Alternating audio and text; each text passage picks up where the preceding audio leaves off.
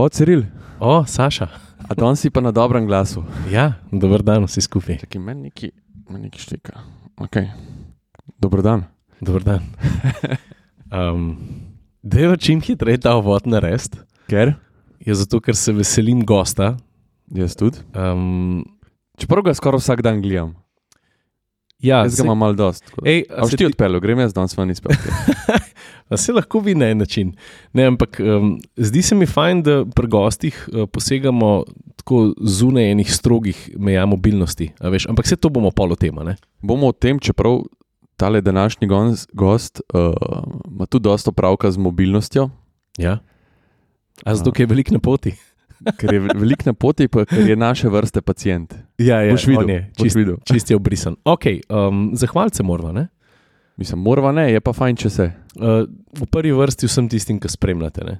To Mislim, je to še vedno velja. Veš, se mi zdi, da dobro, jaz se zahvaljujem Folku, ki me spremlja že dlje kot obstajajo atmosferci na komu ter minuti. Pa rečem, vsak, ki me sreča, pa mi roko stisne, rečem, mej stari, hvala za tvoj čas.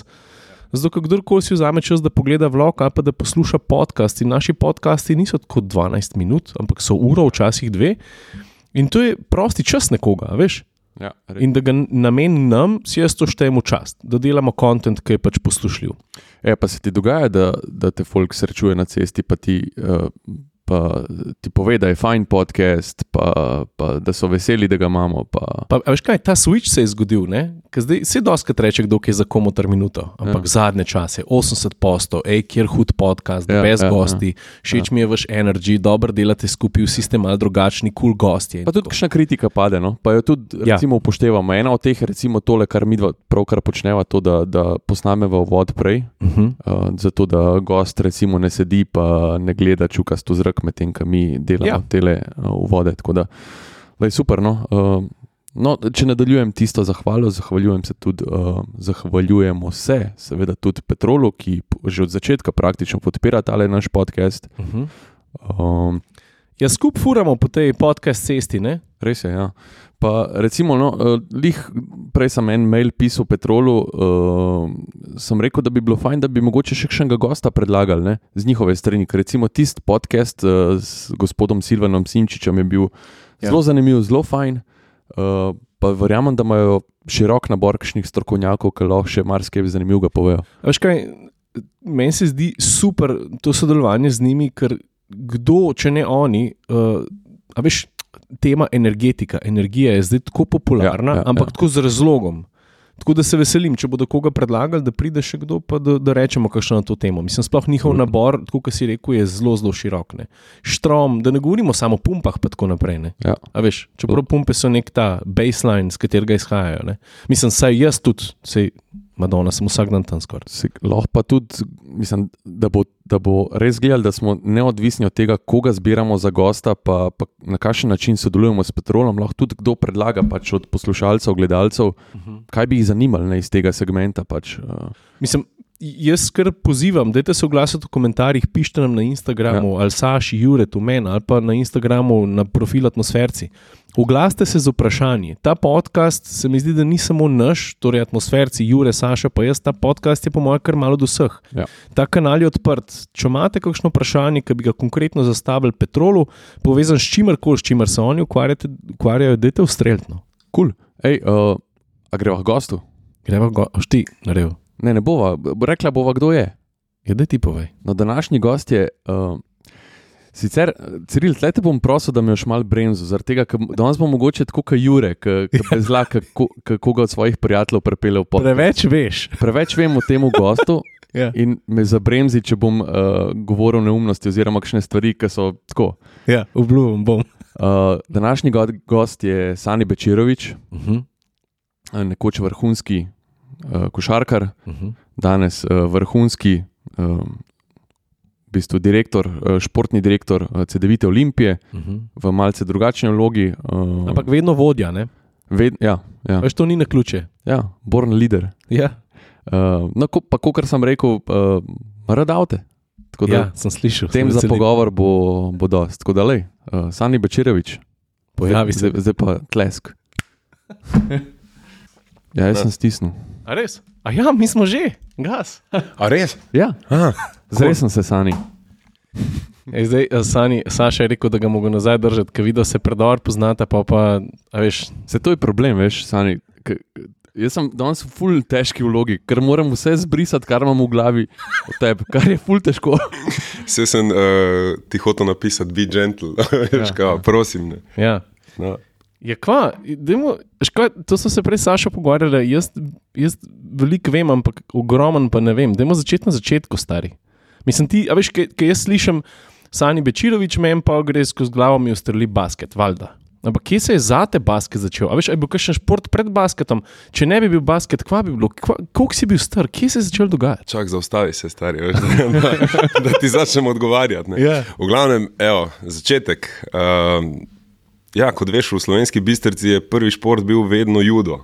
In tako kot vsi ostali, sem tudi jaz začel z judom, ampak uh, zaradi. Bom rekel, uh, prekomerne teže. a. A takrat, a res je bilo takrat? Uh, ja, ja, ja. In dveh izgubljenih uh, mečev, v bistvu, ki sem enkrat skupaj padel, ker nisem hotel predati. ne, pa me- me-? Ja, drugič je pa skoraj ro- roka šla, pa isto sem pol mogel tap out.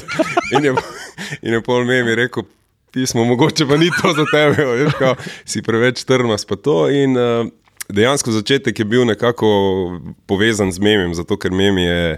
Uh, Basket fanatik, freak, 24 ur na dan košarka in on je v bistvu v slovenski bistrci od uh, dveh popovdne, ko se je končala osnovna šola, pa do desetih zvečer je bil v dvorani vodo od pionirjev, kadetov, mladincev, žensk, članov, vsega. In jaz pač, ker je to, ne vem, walking distance, 20 metrov sem po šoli šel tako v dvorano in sem tam preživel celo svoje otroštvo, tako da sem se ogreval petkrat na dan z vsemi selekcijami, ne in delo tehniko in te vaje ogrevanja. Po sem pa imel najlepše otroštvo na svetu, zato ker je bila dvorana moj playground. Domačo nalogo sem delal v trenerski sobici, tam v garderobi. Res? Ja, ja, ja prisežem. Ja. In uh, pač vsi, ki so že kdaj bili, oziroma vejo, kakšna je dvorana v slovenski bistrici, to je bila ena prvih dvoran, ki je imela plezalno steno. Uh -huh. uh, in v bistvu to je bil moj nek playground, ne, ker sem lahko delal vse, kar sem hotel. Medtem ko so, bom rekel, ostale selekcije pa memi trenirali. Ne. Tista prelomnica je pa vsekako bilo Evropsko prvenstvo v Zagrebu, ker sem pač videl Dražena Petroviča in to je bilo pa tisto potem, wow, to, to pa je nekaj drugega. a veš, da sem hotel prav dražen omeniti, zaradi tega, ker tle, tle je neka usporednica. Dražen je tudi imel vedno dvorano na voljo. Uh -huh. A veš, kaj je bil njegov fotor, je bil hišnik, ne, če se prav spomnim. Ne, že on je imel ključe ja, uh, od dvorane. Mislim, pri meni je dosti podobna zgodba. No. Jaz, ki sem potem začel spremljati, čitati, uh, v bistvu upijati vse, kar uh, je dražen počel, sem jaz počel isto. Ne. In jaz imam v bistvu enega mojih najboljših ali pa najbližjih prijateljev, Jure Himmerlajha, ne, s katerim smo v bistvu od vrca skupaj. Uh, smo potem pred šolo, vsako, skoraj vsako jutro, nekako mi je on pomagal vračati žoge, igrala bi ena na ena.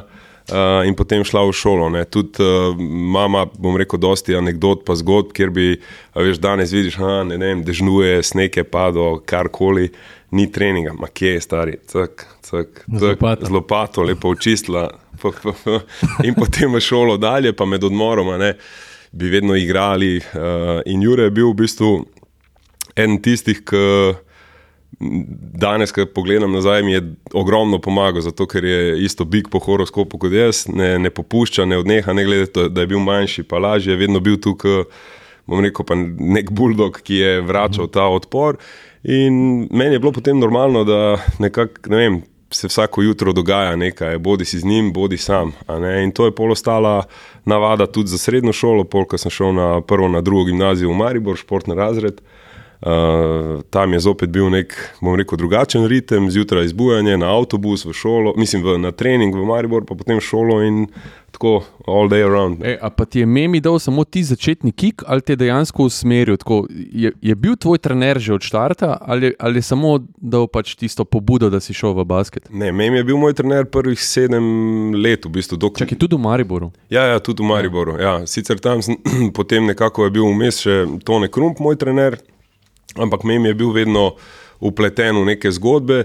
In pač ti ga poznaš, Saša, ti malo manj, Ciril. Uh -huh. uh, Mem je izreden psiholog, on je točno znal, na katere strune more pritiskati, da je pač iz mene vedno izvlekel tisto najboljše ne. in nekako oblikoval. Uh, človeka, delavca, ki je vedno z delom, z delom, z delom. A veš, pusti talent, talent je pač vsi ga imajo, ne vem, gor dol, ampak če nisi delal, če nisi dosleden do tega, pa če res ne delaš več kot ostali, se zna zgoditi, da te bo nekdo z manj talenta. Dosti hitro prehitev. Ne? In recimo, zdaj, ko gledam vse te videe, kaj je en kobija, pa vseh teh, pač jaz imam dosti podoben mindset, oziroma sem ga imel. In, uh, uh, grdo rečeno, tudi sam sem uničil potem svoje telo s tem treningom, pa overtreningom, pa uh -huh. bom rekel tem dokazovanjem.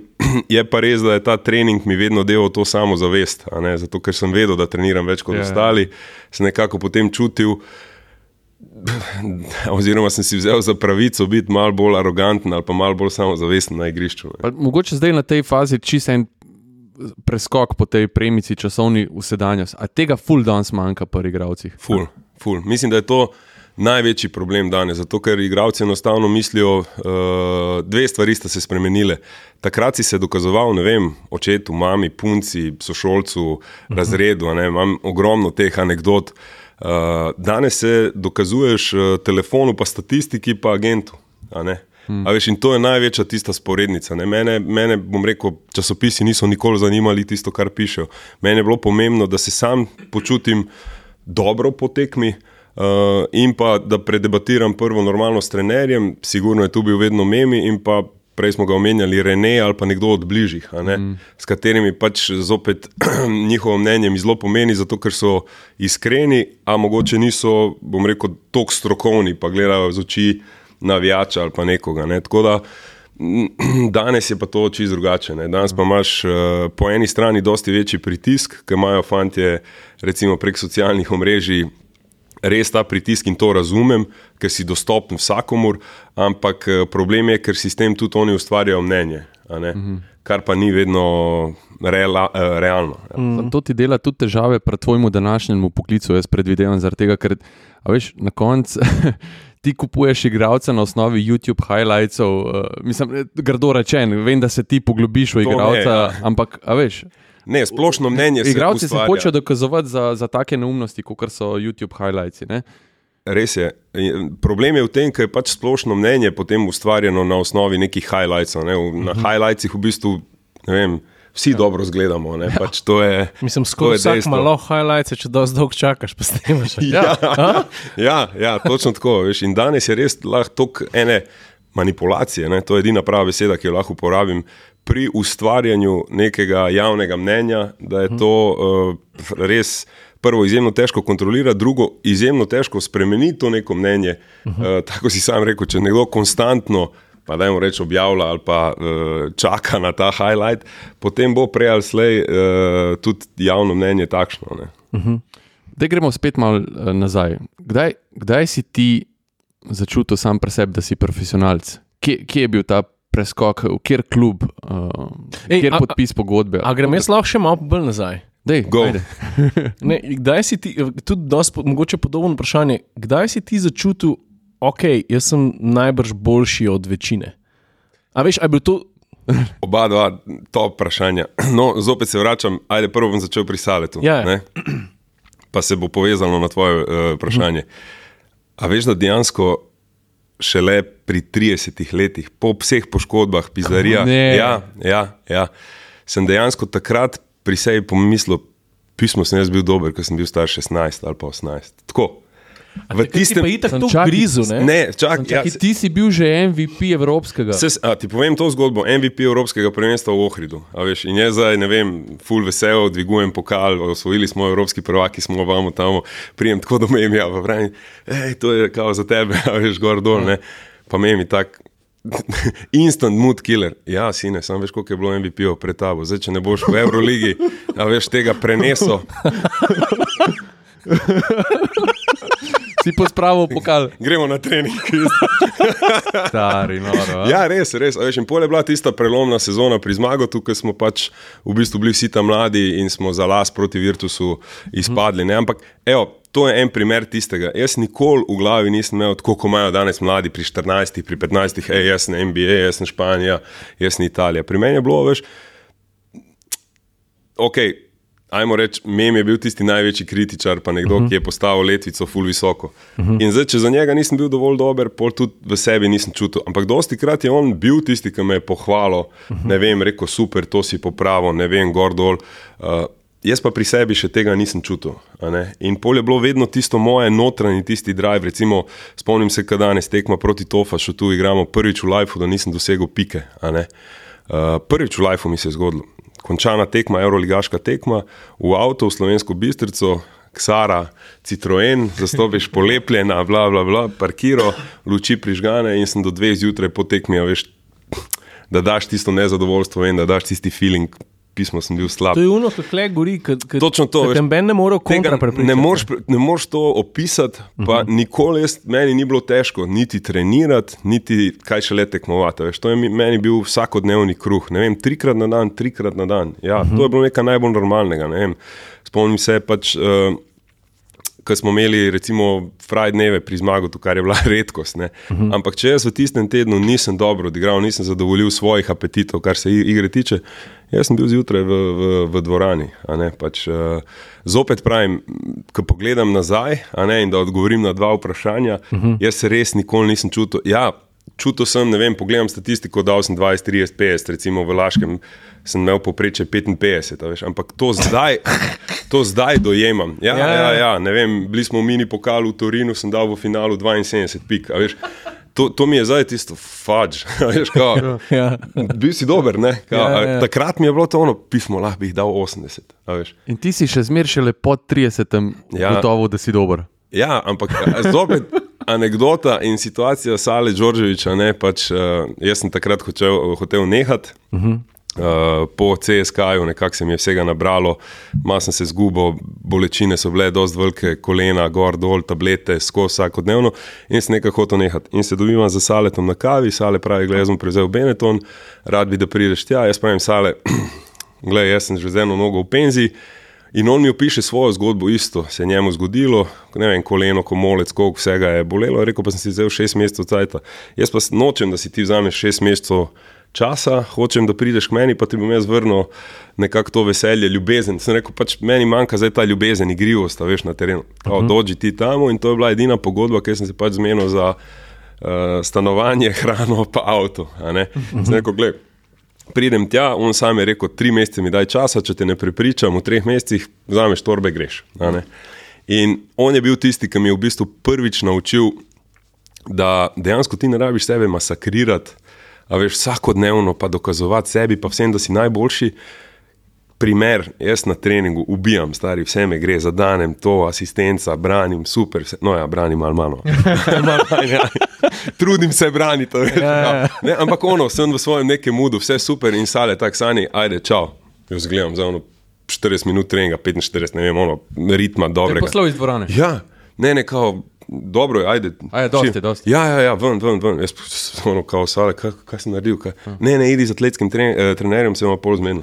Ja, z atletskim trenerjem, tam neka elastika, gume. Zdaj, meni nič jasno, res, to je bilo ono. Nič prijem jaz po treningu, do njega pravim, sale, izvini, šta se desilo, kao? Sani, sine, pa ne trebam ja tebe v utorak, ja tebe trebam za nedeljo, človeče. Kao na Ti si v izpraznice. formi, ne, Ja. ne, dosto, kao, eh, ono, glej svoje, poslušaj svoje telo, viš, da si dober, ne rabiš zdaj uro pa pol mi dokazovati, da si dober. a ne. Uh -huh. In pos, res, to je bila moja ena najboljših sezon z najmanj stresa, pa najmanj obrabljanja telesa, veš, tisto in tam sem spoznal pismo, ej, točno, ja, se ne rabim jaz vsak trening, veš, iti na 300 posto, da vsem na svetu dokažem, da sem mogoče dober. a ne. A ni hecen, kako ko, v bistvu vse ti veš, ti veš, da se guraš, pa to, ampak včasih pač rabiš nekoga od ozu in da reče, hej, stani, da sem malo stal. Hmm. Ravno kar si naredil to. Ja. Ampak to je tako dosti simpel stvar, ampak en mora to narediti, predvsem pa mora biti to nekdo, ki mu res verjameš. Ne? Točno to. Ja. Točno Jaz sem, to. recimo, da se to mogoče primerljivo, ena usporednica. Jaz včasih dobim kar ta, um, temu se reče, impostor sindrom. Jaz sem naredil že ogromno njih videov, pa mi smo skupaj ogromno vsebine naredili. Jaz še kar včasih si mislim, fakt, pogruntali bojo, da se pretvarjam.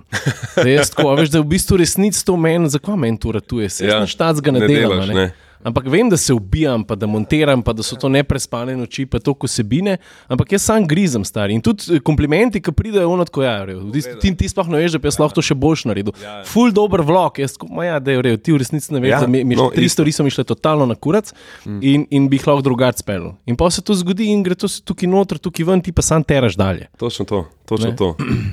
Ej, prej si omenil poškodbe. Zdaj ne vem, Jur, Ciril, boš ti še kaj vprašal o teh časih? Uh, za, uh, Stari, jaz sem tle s to Ali- ali gremo- Ker gremo, da je Ne, ali gre, ali, ne, ker, ker te poškodbe so ena taka Ne, stvar. tisto bomo pol na karieri. koncu, tisto bi posebej. Če še imate kaj za nazaj, dajmo to, ker tisto. Ne, veš, kaj me zanima? Ne, veš, kaj, pa, ogromen intervjujev z, z bivšimi in aktualnimi košarkarji sem že prebral, pa trenerji z, z različnimi kadri iz basket sveta. Velikrat se kdo dotakne zmaga Sagadina in to se mi zdi, da po eni strani že čist preveč popegla na tema, ampak mene pa vsem zanima tako na hitro, da ne bomo zdaj izgubili kle pol ure. Tvoje Ja, izkušnje prav, ja. z njim, ker zmago Sagadin je vse ene vrste ikona slovenske košarke, ker je pač bil v enem trenutku pač na, ne na pravem mestu, ampak je res uh, velik na redu. Kako si si ga ti zapomnil? Glej, ne moramo mimo zmaga. Ne? Tako da uh, v moji glavi, v, zopet govorimo, v tistem času je bil, na rekovajih, enemy number one. Torej nek, nekdo, kateremu sem moral dokazovati, da pač moj stil košarke je moj stil košarke in pravi. Uh, po drugi strani pa sem se mu že neštetokrat, pa še vedno se mu bom zahvalil, da je pač uh, vsakodnevno v meni tudi on pa takrat nisem tega razumel, pritisko te prave uh, gumbeke, uh -huh. da je Sani, bom rekel, iz dneva v dan rasto. Uh -huh. In pač vsi vemo, da je zmagal bil obrambni trener in da je zahteval pač obrambo in to, ampak dejansko on zahteval to angažiranost, 100% v vsakem momentu, ni važno ali je petih zjutraj ali je to ob petih popovdne.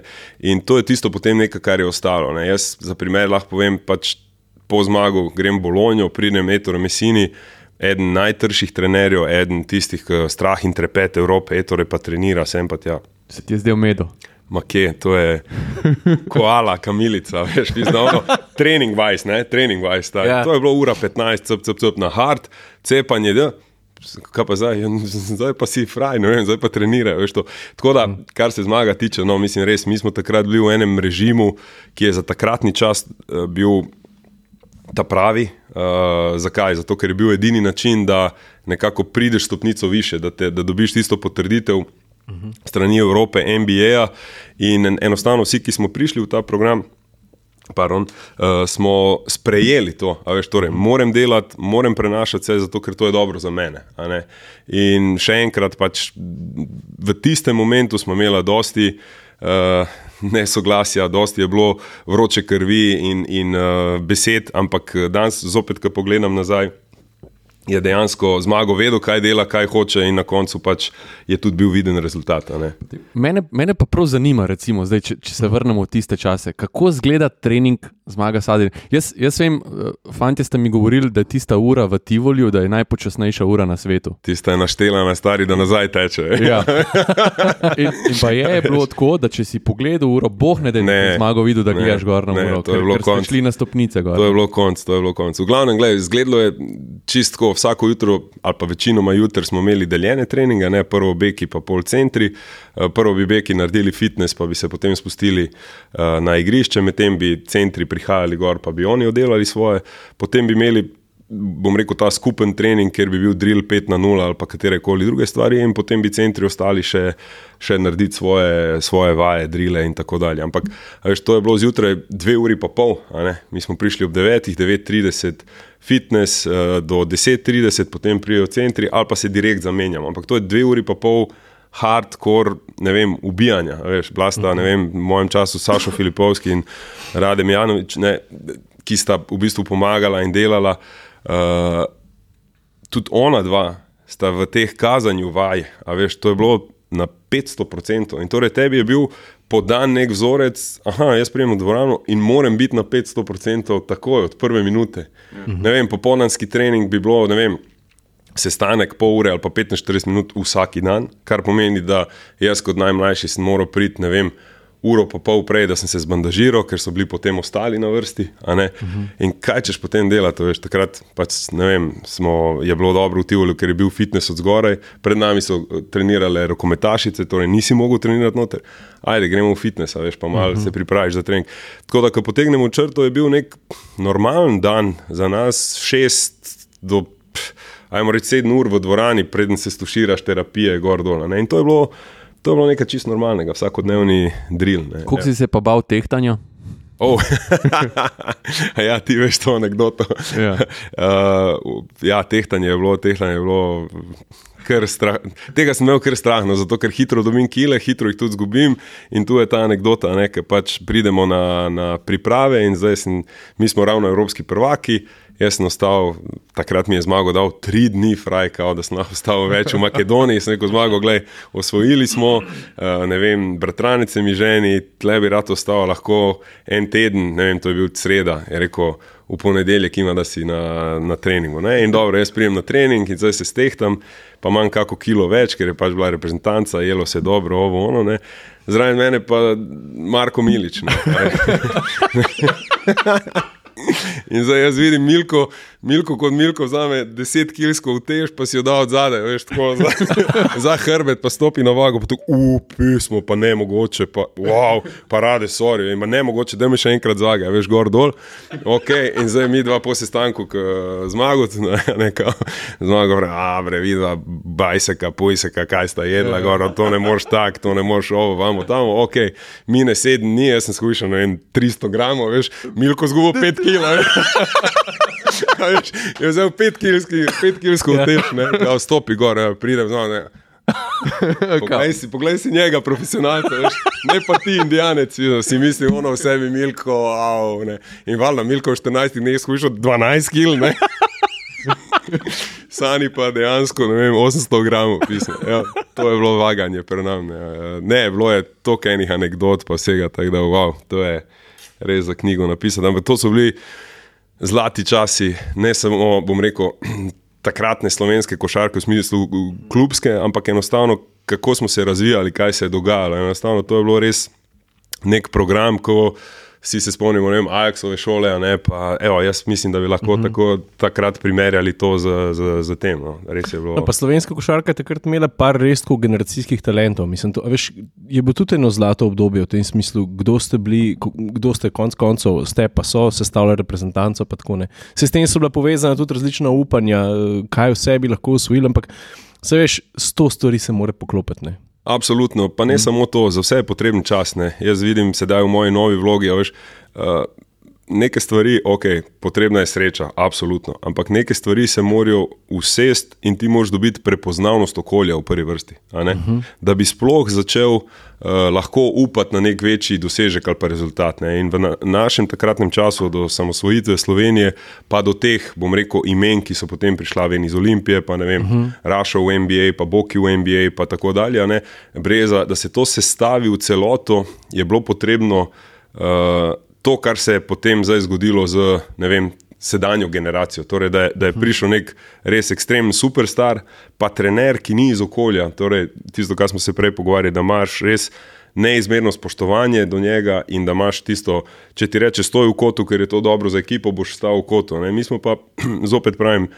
Vsak imel močen ego, nekako iskali tisto mesto skozi reprezentanco, potrditve, pogodbe, gor dol, uh -huh. in vedno so bila ta trenja, ampak ne tisto, kar se je pisalo, da smo ne vem, skregani, da so nesoglasja, ampak enostavno nek normalen tisti ego, uh -huh. uh, ki ga mora imeti vsak športnik. Recimo, zdaj sem gledal ta Redim Team ne, in uh -huh. dobro pravi uh, Coach K. Kao, a, jaz nočem, da vi pustite svoj ego doma. Ne, ne, ne. Hočem, da prenesete uh -huh. svoj ego sem in da si to, kar si, ampak pod skupnim držnikom. Evo, tega noben nam ni objasnil, ne? ampak je vedno bilo, hej, ne ti to tako, hej, ne ti to tako, ti si drugačen, veš, zdaj si to. In mislim, da zopet pravim, vse je to nek bil proces. In, in že kasneje, recimo, meni je žal za tisto. Reprezentanco pa nisem bil zraven, recimo na Polskem, ki mislim, da si je res zaslužila medaljo. Res ja. mislim, da, da, da, da smo že takrat bili zreli za ta mm korak, da bi, da bi naredil ne, nek nov meni- menik, ampak eto, dobiš trico, uh -huh. a veš, zopet se stvari obrnejo v drugo smer in to je pač proces vsega Ne, tega, da bi potem v Istanbulu bil evropski prvak, da bi sedaj recimo v Sloveniji govorili uh -huh. kot v nek, eh, bom rekel, super uh, powerhouse na reprezentančnem nivoju. Ne. Jaz bi sam to, če kdo uh, ne ve, uh, Sanje omenil, da redim tim, to je dokumentarc, ki ga je Netflix objavil mesec, dva nazaj, govori pa o ameriški reprezentanci. Ki se je morala odkupiti uh, za ogromnenih porazov, zato ker pač se veste, 92, Dream Team, pa pol še en, pa tako je, pa je pa raven pri njih padla, zato ker so se zanašali samo na, bom rekel, talent imena, pa si imel tudi v ekipi Iversona, Dunkna, pa še marsikoga, pa pač ni šla ekipa skozi, pa so pol zgubljali, pa so bili četrti, pa, pa, pa tretji, pa tako naprej. Vse to sem te hotel vprašati. A ti je bil kdaj NBA tisti ultimate cilj? A veš, to, to me zanima, zaradi tega, ker danes, če pogledaš igralce, je danes skoraj vsakemu igralcu to, to neka uh, taka, se mi zdi, točka, ki jo želi doseči. Ker recimo. No, eh, Tole mi je mogoče malo sram priznati, ampak jaz sem šel prej googlati, oziroma sem šel na Wikipedijo uh, tebe pač poizvedovati. Ampak, a veš zakaj? Zaradi tega, ker si dal toliko klubov čez, da jih po mojem tudi ti ne znaš našteti.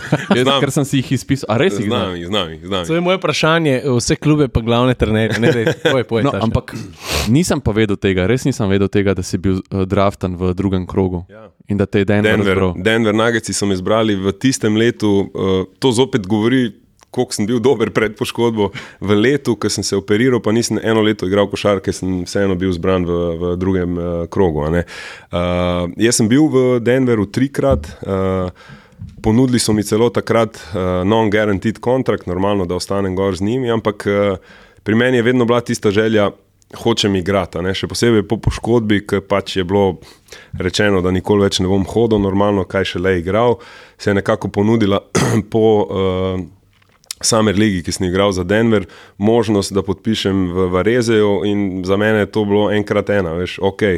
NBA, ostaneš tu, delaš z nami, ti pomagamo se vrniti, ampak ne igraš. Ne? Se pravi, nisi hotel iti čez ta zid, ne, da, da, Mm, ne. da, da bi probo tam prebiti, da, da bi Gogija izvedel. Ne, ne, ne. Uh, bom rekel, gledaj, imam še drugo ponudbo, ki se zgodi po mojem prvem letu v Panatinajkosu. Takrat so bili zelo zainteresirani, mi smo osvojili trojno krono, jaz sem bil eden nosilcev v, v takratni ekipi in uh, ponudba je bila.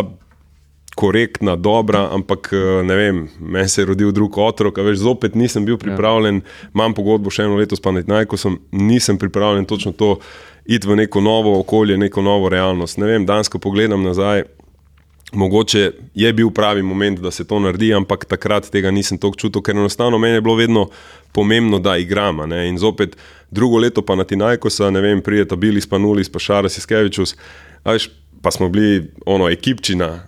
Ne, ni bilo dobro, jaz sem hotel igrati. Veš, ne. in tudi uh, zopet so mi ponudili dvoletno pogodbo, super, vse sem rekel, željko, gledaj, sorry, ampak jaz bi rad šel nekam. Jaz moram igrati, meni je to ljubezen zaradi igre, veš, ne zaradi tega, zdaj, da bom jaz ne vem kaj. Grdo rečeno, jaz ne morem biti 12 igralec pa navijati. Hočem igrati, pa tudi če nivo niže ali pa ne vem karkoli. Pač tako sem odrastel, tako vidim, to je za mene igra in če mi nekdo odzame to, pol, pol ni ok. Tako da NBA je valjda želja pa san vsakemu, ne? ampak jaz sem nekako dvakrat igral proti Dream Teamu, ajmo reči. a ne. Enkrat uh, Japonska, drugič uh, Turčija. Uh, bil sem gor za Panatinajkom, smo dvakrat igrali, enkrat s Houston Rockets, enkrat San Antonijo Spursi. Nekako napadalno, sploh ni problema. Veš. Mislim, da lahko z mojim basketball IQ-jem, pa vse to, kar sem imel orožja, bi brez problema igral. Obrambno je druga stvar. Ja. Yeah. Mislim, težko je, težko je braniti te atlete tako night by night in zaradi tega tudi, če zdaj realno potegnem črto, mislim, da bi zelo težko tam uspel, še posebej po poškodbi, ne, uh, dobil mesto, da bi, da bi jaz bil zadovoljen, veš, da bi rekel, ok, uh -huh. jaz sem pa NBA igrač, nisem. Sploh v tistih časih. Ja, ne, sploh v veš. tistih časih, druga, druga realnost, drugače so gledali tudi na naše evropejce. Tako, ja. In uh, enostavno pač, ja, neka, nek, neke sanje so bile, ampak uh, ni bilo realno. No, tako. Jaz sem, že, jaz sem toliko vprašanj, sploh ne. Stari krno. Ne, omenil si Željkota, kako je Ja. igrati za njim. Uf, uh, mislim, hkrati dream come true, pa worst nightmare ever. Če, če, ima to, Ja. če ima to smisla. ne, Torej, Ampak, a, a opaziš uh, tole kohezijo? Ne? Ti, ti vsak, vsakega trenerja, ki omenjaš, Ja, ne, ja. vsi, ki so se ti najbolj uh, zapekali v spomin, imajo to dvoje. Točno to, točno to. Ampak zakaj? Zato, ker pač imam to čustveno inteligenco, da prepoznam neke eh, situacije, ki se dogajajo. Pa bom razložil. Željko, zakaj? Zato, ker to je zahteven, to je uh, naporen, vse v pozitivnem smislu. Veš, to so detalji, ne vem, spacing, timing. Uh, recimo pri njemu sem prvič res. Tako dojel, kaj pomeni spacing, pa timing v, v košarki. Ne? Prej je bilo, ok, stari da bom koš, ne vem, ti stoj tu, ti stoj tam, ni to. Ampak pri njemu je bilo to tako poudarjeno, ljudje moji dragi, da je to nekaj neverjetnega. Veš. Spomnim se ene anekdote, jaz sem tako moj prišel tja, igramo, ne vem, prijateljsko tekmo, jaz sem dal 24 pik, super, vse vamo tamo in na videu, ne, on mene poveča, izbaci ven. Torej, imeli, smo, ja, imeli smo eno akcijo, kjer v bistvu četvorka, ne, če je zdaj to Dikudis, je v bistvu short roll, pa gre na penal in takrat se ti pomakneš gor, če pa crcaris. Pa se pomakneš v stran, no, tako da, da, Ja. da bo ta razumela. Ne. In v tistem momentu je v bistvu care popov ven, jaz pa sem samo Trzno, da greš tja. Joj, zajevo sem, a veš Ja. ja. tisto. In je že bilo, pa kako ne vidiš, da je carcaris tam, veš, to moraš prepoznati, ampak ok, jaz zdaj lepo govorim, ne. Šahiranje. Ja, ja, šahiranje, torej, ko je on tu, ti moraš biti že v korneru, čakaš ovo, ono, veš. In res je tisto detalj, detalj, detalj. In na dolgi rok eh, je to res tisto naporno. Veš. Potem prideš do te meje, ki včasih ne veš več, ali je zunaj dan, ali je noč, ali kaj zdaj. Kaj zdaj hoče, ampak dejansko, evo, zopet, ko pogledaš potem nazaj, veš, mi, ko smo se pripravljali na tekme, pa, pa to, pol na tekmi vse tako lagano funkcionira, da si misliš, pa fuj, mi smo ful dobri, veš, to, to, je, to je naše, ne pa ni. Veš, ne, dejansko to je pač delo trenerja, da te pripravi skozi razne vaje, treninge, postave, situacije, ki ti sploh ne veš, da se ti bo pol na tekmi to tako odvijalo. In, uh -huh. Tako da res, kapa dol, človek je genialec in, eh, in tudi najn odnos je bil fenomenalen. Veš, to je bil tisti, sploh ni bil love and hate relationship, ampak je bil extremely love, ki je pa že tisto hardcore love. ne. On je vedel, da jaz razumem, on je vedel, da jaz pač eh, lahko določene njegove zahteve izpolnim, je pa vedno pač bil tu prisoten ta moj nek ego, ki, uh -huh. ki se pač ne pusti in, in mislim, da je to normalno pri vsakemu športniku na, na tem nivoju. Ne. Tako da za željka, evo, lahko rečem, se samo vse najboljše. Iz... Ta tvoj ego, ki ti ne pusti. To je tista podaja za hrbtom, recimo Točno pri. Obradoviču. Točno to. Dej razloži to zgodbo. To je, sale se dobro spomni vse, Daj, kar, jaz ne kar jaz govorim, veš na kavah. Ja. V glavnem, na začetku vsake sezone uh, Željko reče, a veš, če kdo naredi Dražen Petroviča, torej za hrbtom med nogami, pa podaja na tekmi, peljem ekipo kamorkoli, če jo karkoli A, hoče. ni? Ja, ja, ja, A veš, ja. to so te res? ki jih ima ona. veš. Ja, ja, res. Ne, po eni strani te ubije, ker ti Ja, ja.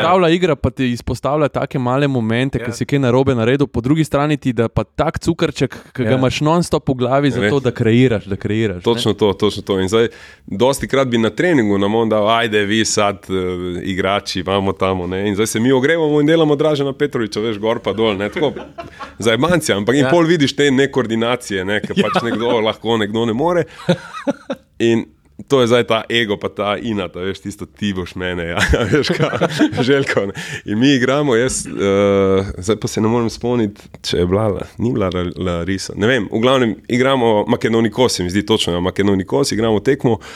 In jaz igram super, res top, top, top, vse, šah, to, ko pravi, sale, cep, cep, cep, zadanem, grem, bla, bla, bla. In popijem neki glupi backdoor, tako isto se nekaj zaletim, a veš, in popijem koš, menjava in željko. Veš, ono, fuck, jaz sem. Rdečo glavo. Čist, stari, ubija me. a ne. In jaz zdaj ono si mislim, vse je pa dobro, model, stari, zajevo sne, no, veš, kao, Ja. ja. pusti me, a ne, kao, in ne, on še vedno na meni. In, evo, in jaz imam tisto, veš, tolerance, tolerance, pol pa ki me odnese, me pa odnese, veš, ne.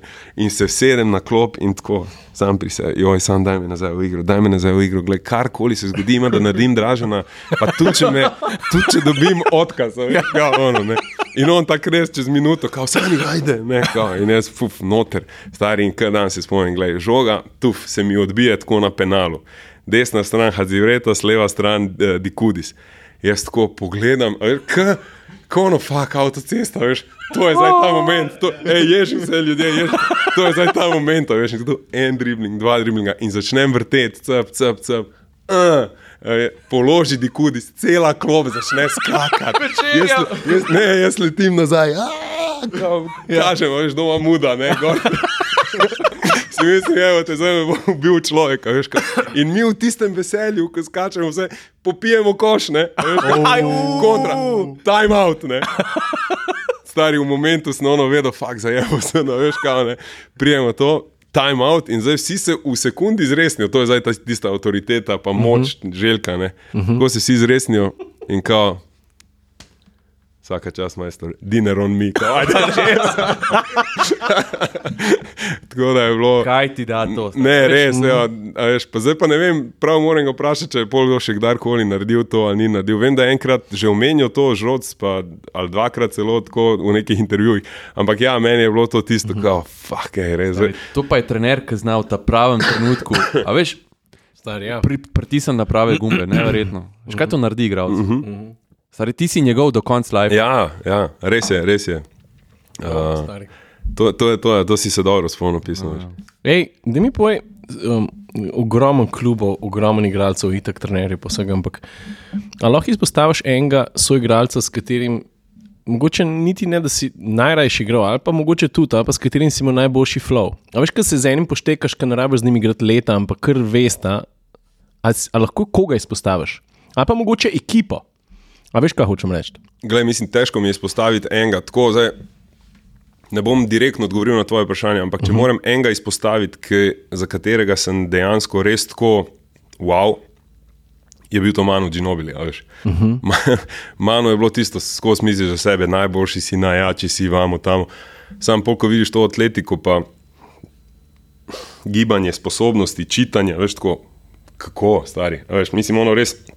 Tako da Manu je bil eden tistih, ki pač je bil iznad vseh nas, ne, ne glede, pa sem igral res za imeni, pa, pa igralci, ki so, ki so res top. Uh, da bi pa zdaj, ne vem, zmel nekom poseben tako feeling. Se to si dobro izpostavil. A veš, kaj tudi Mano je, ki si gledal, on je imel tudi tako mogoče malo nenavadne ozorce gibanja. Ja, ja, ja. nenavadno. A Veš, tako, kot ne vem, je bil Bodi Miller pri smučanju, Tako. kaj tam odela. Ja, ja, tako kako kar Mani, ja, ja, Mano je odprl nekaj, ki si rekel, čak. To, odkje, veš, kako, kako je šel mimo, kako je zdaj se obrnil. ne vem. Ja. Evo, on je bil edin, eden tistih, ki pač.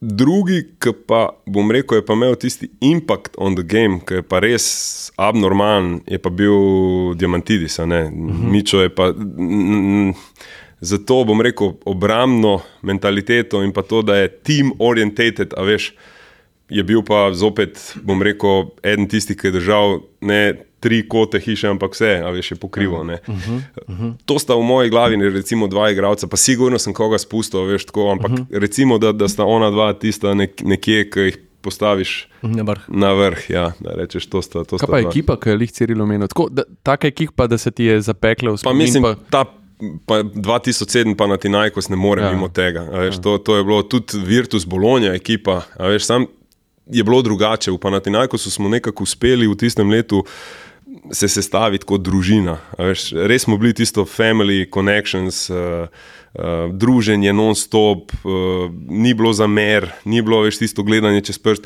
Recimo Virtus, izgubili finale od, Panat, eh, od Panatinajkosa, drugačna sestava ekipe. ne. Imaš Manuta, imaš ne vem, Jarič, Igado, uh, kaj zdaj, Frozini Smodiš, Andersen, veš, mislim, imena, da, da je Noro, to pač, ludilo, noro, ne. ampak je bilo drugače. Uh -huh. uh, tle je pa bilo. Tako, jaz sem čutil tisto leto, da ni šanse, da nas bilo kdo zmaga, kjerkoli, kadarkoli, ker smo bili tako povezani. Ne. E, Veš, na kaj sem se zdaj spomnil? Uh, tale, uh, Bill Simmons je en avtor, včasih je kolumne pisal, glavno s športom povezan z basketom v, NBA, uh, v Ameriki. In on je izdal 2010 ali 2012 eno knjigo The Book of Basketball. Govorim zato, ker se bom navezal na to, kar si ravno kar rekel. Uh, ta prvi del knjige govori o njegovem pogovoru z Isaiah Thomasom, se pravi Bad Boys Pistons. In ga on vpraša tam na enem bazenu, sta bila, uh, prav, e, v čem je fora, what's the secret of basketball? Ne? Pač dva z naslova ste osvojili, osvojili, ti si en najboljših PG-ov ever, pač ni da ni in you're the man. in um prav, da the secret of basketball je, da it's not about basketball. Uh -huh. Rekel, da pač, ki ti, da enkrat se ekipa razume, da kar nekako presežeš to vsoto teh delov, ki se sestavljajo. Ne. To si zdaj ti upisal, v smislu, da ste bili fucking tight, Ja. family in pa si vedel, da se bo ene stvari tudi tako poklapale. Ja. Ja. Veš, t- res, mislim, X and O's, tako mi pravimo. Ne? To večini zna vsak, to teorijo, to bom rekel, ne vem, pripravo na tekmo gor dol. Ampak te odnose poštimati noter, veš, da pač jaz sem vesel, ne glede na to, da je to naše delo, pa se borimo, bom rekel, za novo pogodbo, za novo mesto. Veš, tako, če ti uspeš ustvariti to, da je enostavno naš skupni uspeh dosti več vreden kot pač individua v tem sistemu, pa si, pa si zmagal. Fantje, mi smo Evropsko prvenstvo osvojili na ta način. Ja, Ja. res je. Tista, res je. tista repka ni bila poimensko najmočnejša, ampak uh -huh. je točno to, kar, kar vidva razlagati. Točno to se je videlo takrat, a veš, to je, to, in to ljudje čutijo, prepoznajo. No, tako. Vsi, ekipa in tudi tisti, ki spremljajo, Vsi, vidiš, ne? vsi. Ta energy ja, pa to. ja. Vem, ja. Ej, pa, ko smo liho evropsko omenili, kaj pa leto? a Veš, mi da so te hotela že prej povabiti v podcast, mogoče lih tak, uh, takrat je bilo, kaj, konc je bilo od tega le evropskega, ne? Uh -huh. pa smo hoteli malo komentirati, pa se nam ni išlo. Kako si ti videl, kje je zaškripal?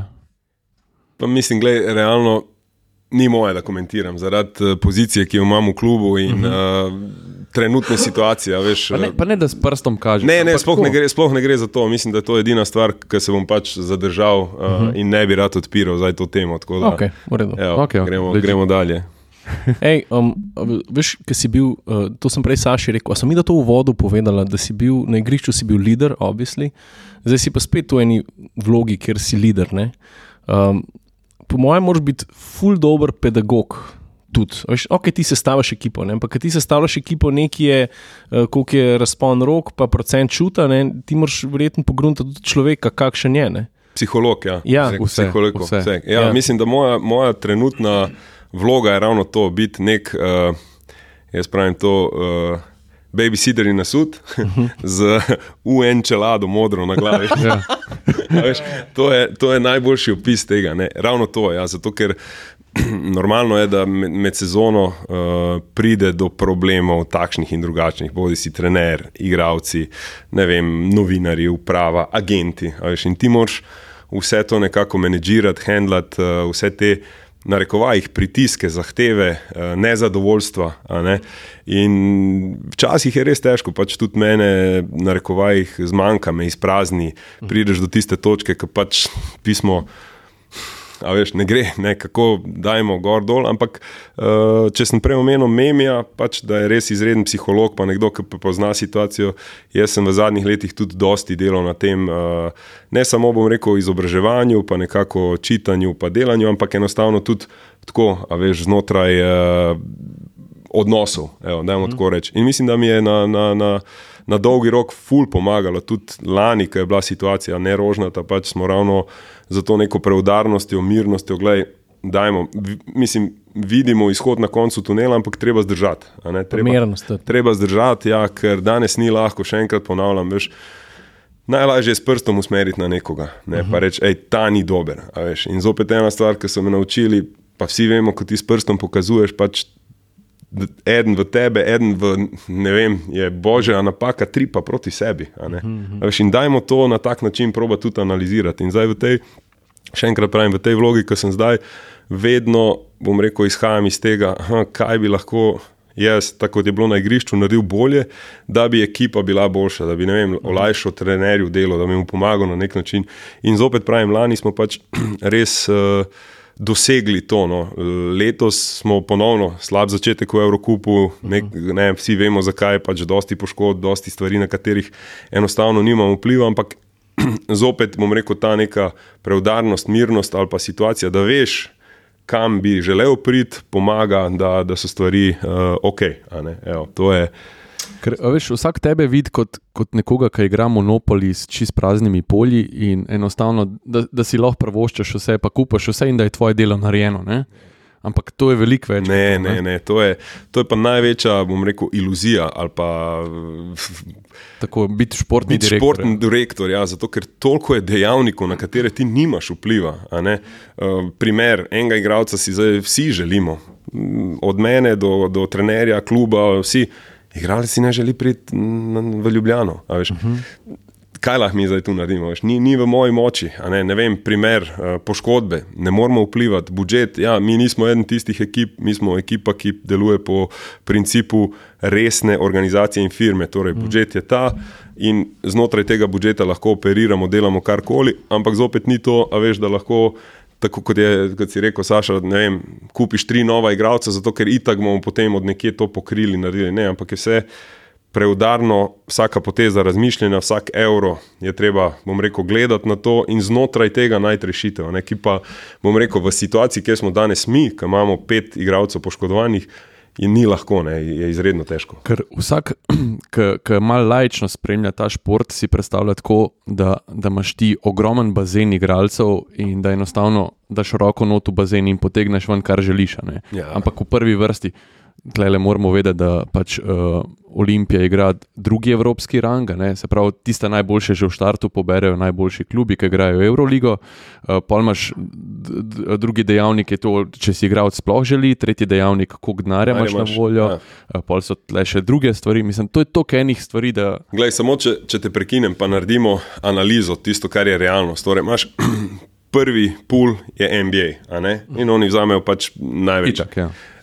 Zdaj, drugi del, pa mogoče se bo smešno stisnil, uh, slišalo, je že G-League. veš, Marsikateri igralec, ki bi v Evropi, na rekovajih, delal razliko, pa bil dober, ne samo za Euroligo, ampak tudi za nas, pa govorimo o nižjem delu, raje ostane v G-League, zato ker tam vidi priložnost, ker so povišali salary cap, ker so povišali v bistvu njihove plače in se jim ne splača. Ne. Naslednja stvar, marsikateri američan, pa bo to se smešno slišalo ali pa čudno slišalo, še vedno dojema Evropo kot ne vem. Tretjo, a veš, ono, kao, ne vem, to je nekje daleč, to še ni tako razvito, gor dol, veš, imajo še vedno ta.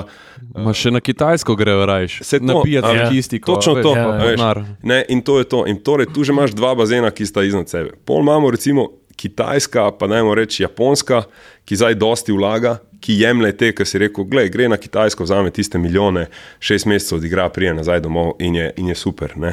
S 50 PPG. Ne? Točno to. Ja. Ja. Naslednji, ki se je zdaj pojavil, bom rekel, nov uh, igralec na marketu, aha, pol je Euroliga, ok, Euroliga leži, to vsi vemo, torej to so že štirje, hm. ki so nad nami, zdaj pa je nov, nov igralec na marketu, je pa recimo Avstralija. a ne. Ja, ja. Zakaj? A, okej. A veš, zato, ker je krajše prvenstvo. Ne?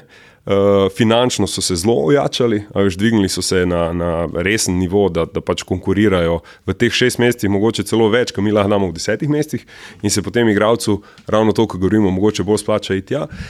In pridemo že do tega, da zdaj si ti na nekem v petem bazenu, kjer pa zopet nisi v prvih treh ekipah, kar se budžeta ali pa petih tiče. a ne. Zato, ker smo nekako vedno pač rekli, da bomo preudarno razmišljali, uh -huh. kako vsako sezono sestaviti.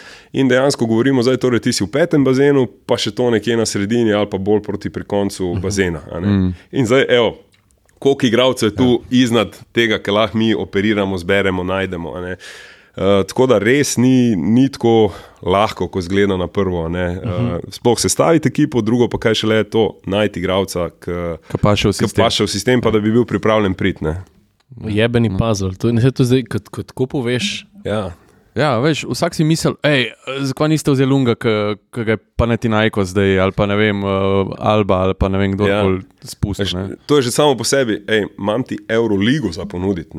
Veš, mi igramo z- normalno na to karto, Glej, imamo Abu Ligo, imamo ne vem, Eurocup, a ne. ampak nad nami je pet bazenov, ki ponujajo bodi si ali denar, ali tekmovanje, ali ne vem, exposure, uh -huh. ki je dosti večji mogoče v tistem momentu od, od našega. Ne.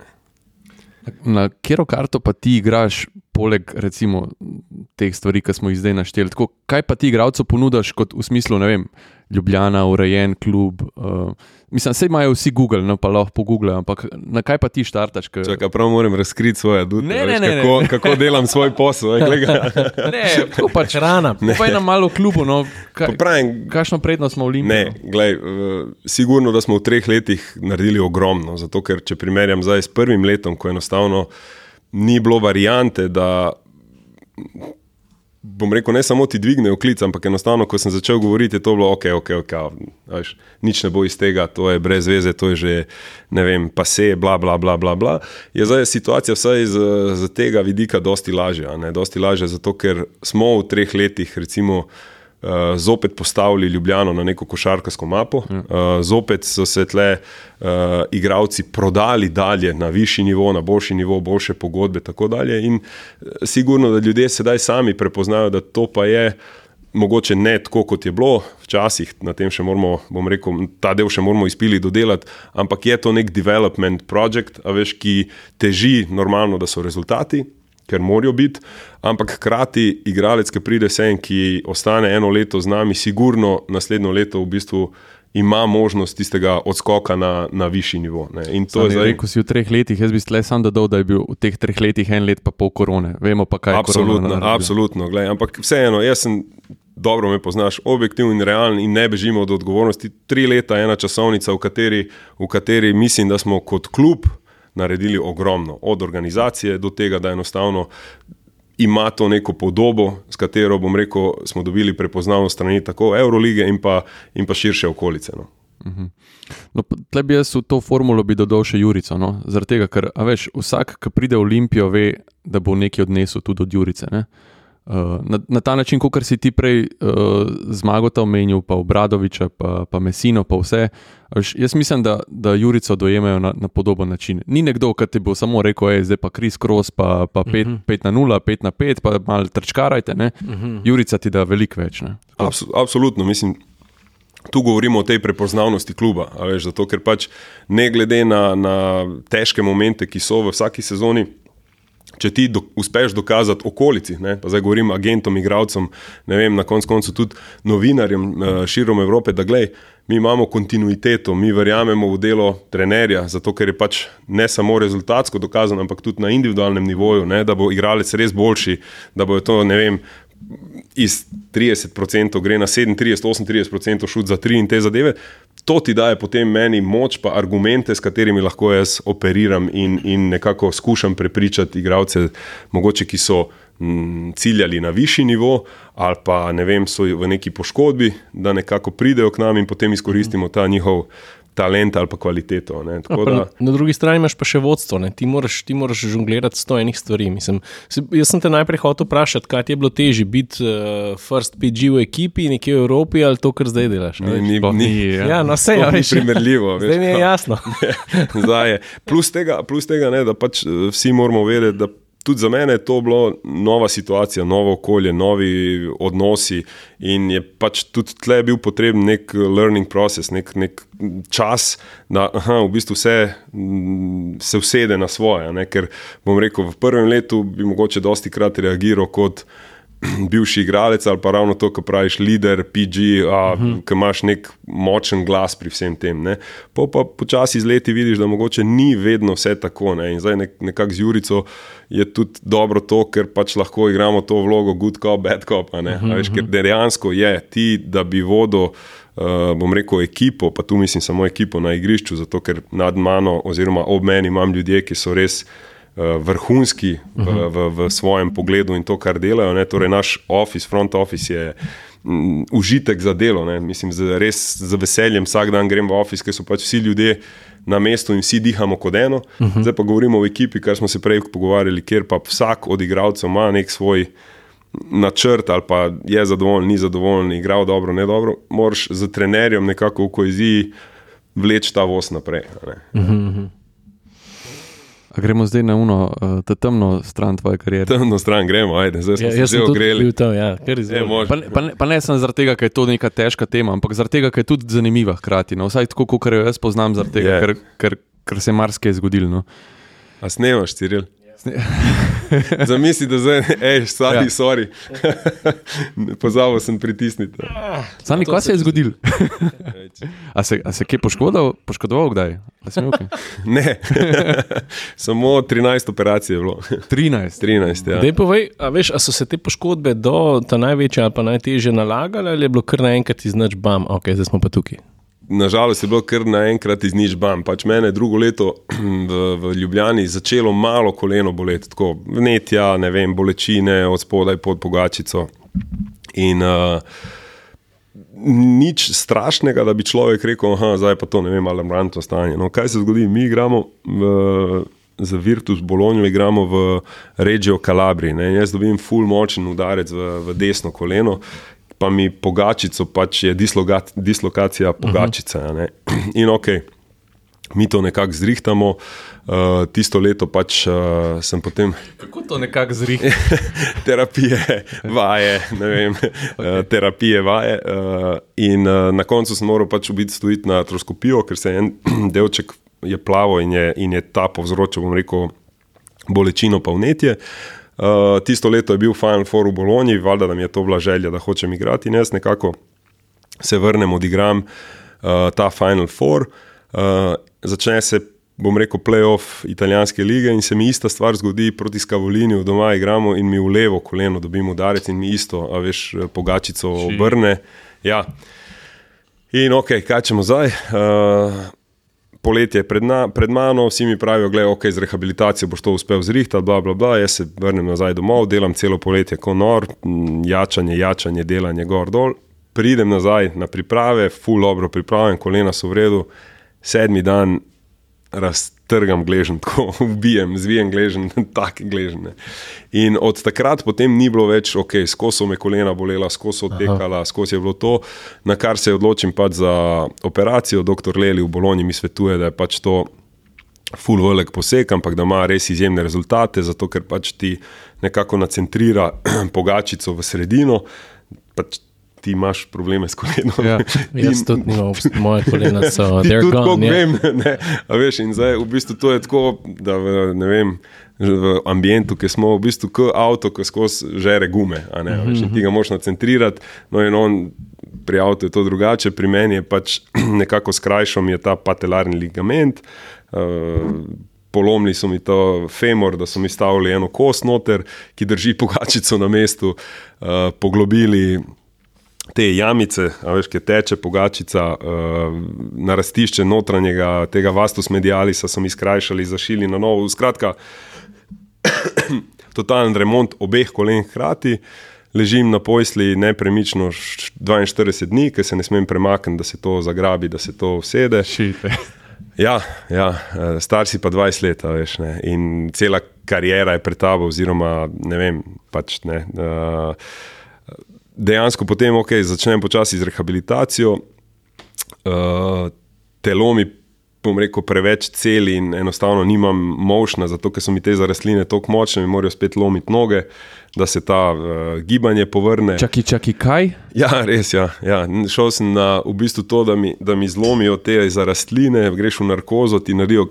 Ne, in potem se pač kao vrne ta mošen. Sicer pri meni je to trajalo šest mesecev, ker se potem zopet so tako zaraslo, trdo. Uh, vmes, ja, jaz sem. Je tako nasilen ta podcast. Ne, je. E, jaz mislim, da se bomo, ne vem, o vej osem motorjih menili. Ja, zelo bomo. uh, v glavnem, uh, nekako mi vse to uspe, jaz se vrnem uh, v Krko, v novo mesto. Igramo z, sicer meni je skozi, ne, imam tako malo povišeno temperaturo, skozi mi je malo slabo, bla, bla, bla, boli me tle od spodaj za znored, ker sem imel, uh, bom rekel, te vijake noter.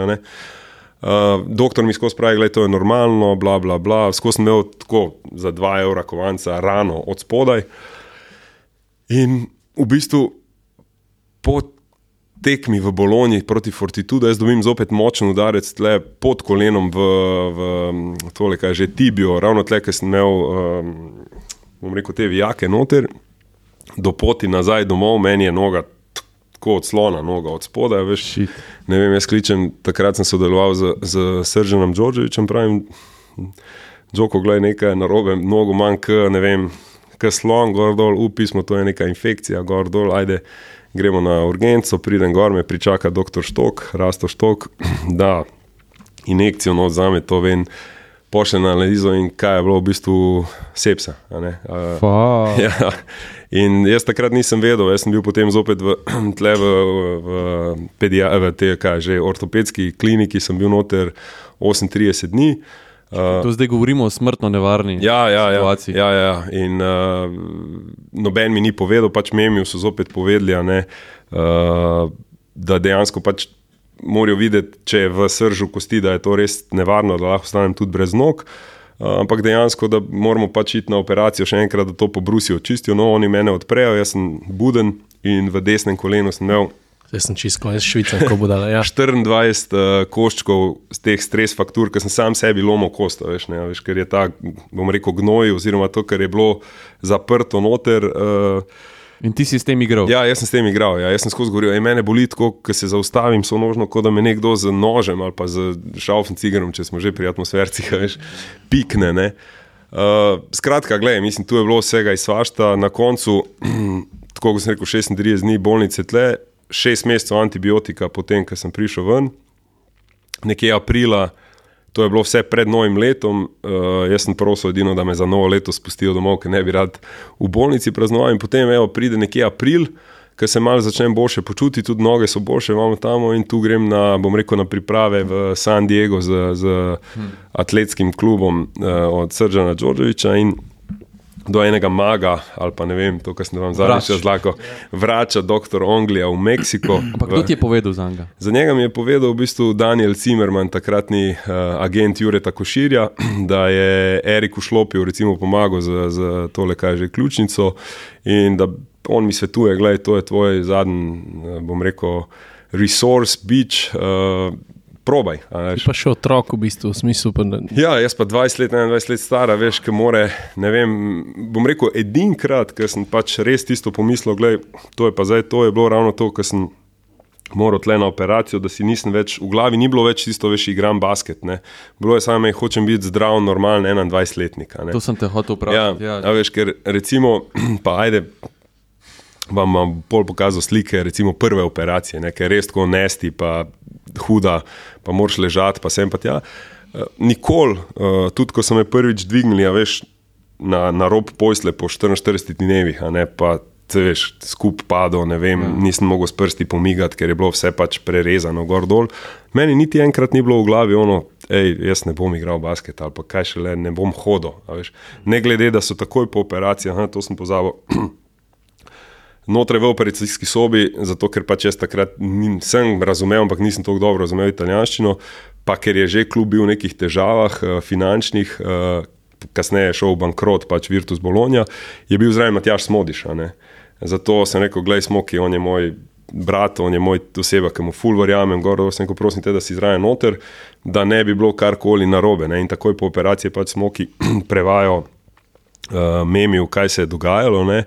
In jaz se spomnim, kot danes, ko sem se zbudil iz, bom rekel, narkoze, pa tega, uh, ker meni je bila mama, pa sestra sanela, uh, memija pa ni in vprašam, kje je memi, ne? in čujem v bistvu na vratih, kako Se pogovarja. ne odrasli moški joče, hlipa, a veš, ono, ne? ker ni mogel piti not, ker so mu ravno kar sporočili, da pač nikoli ne bom hodil več normalno, da na basket lahko pozabim.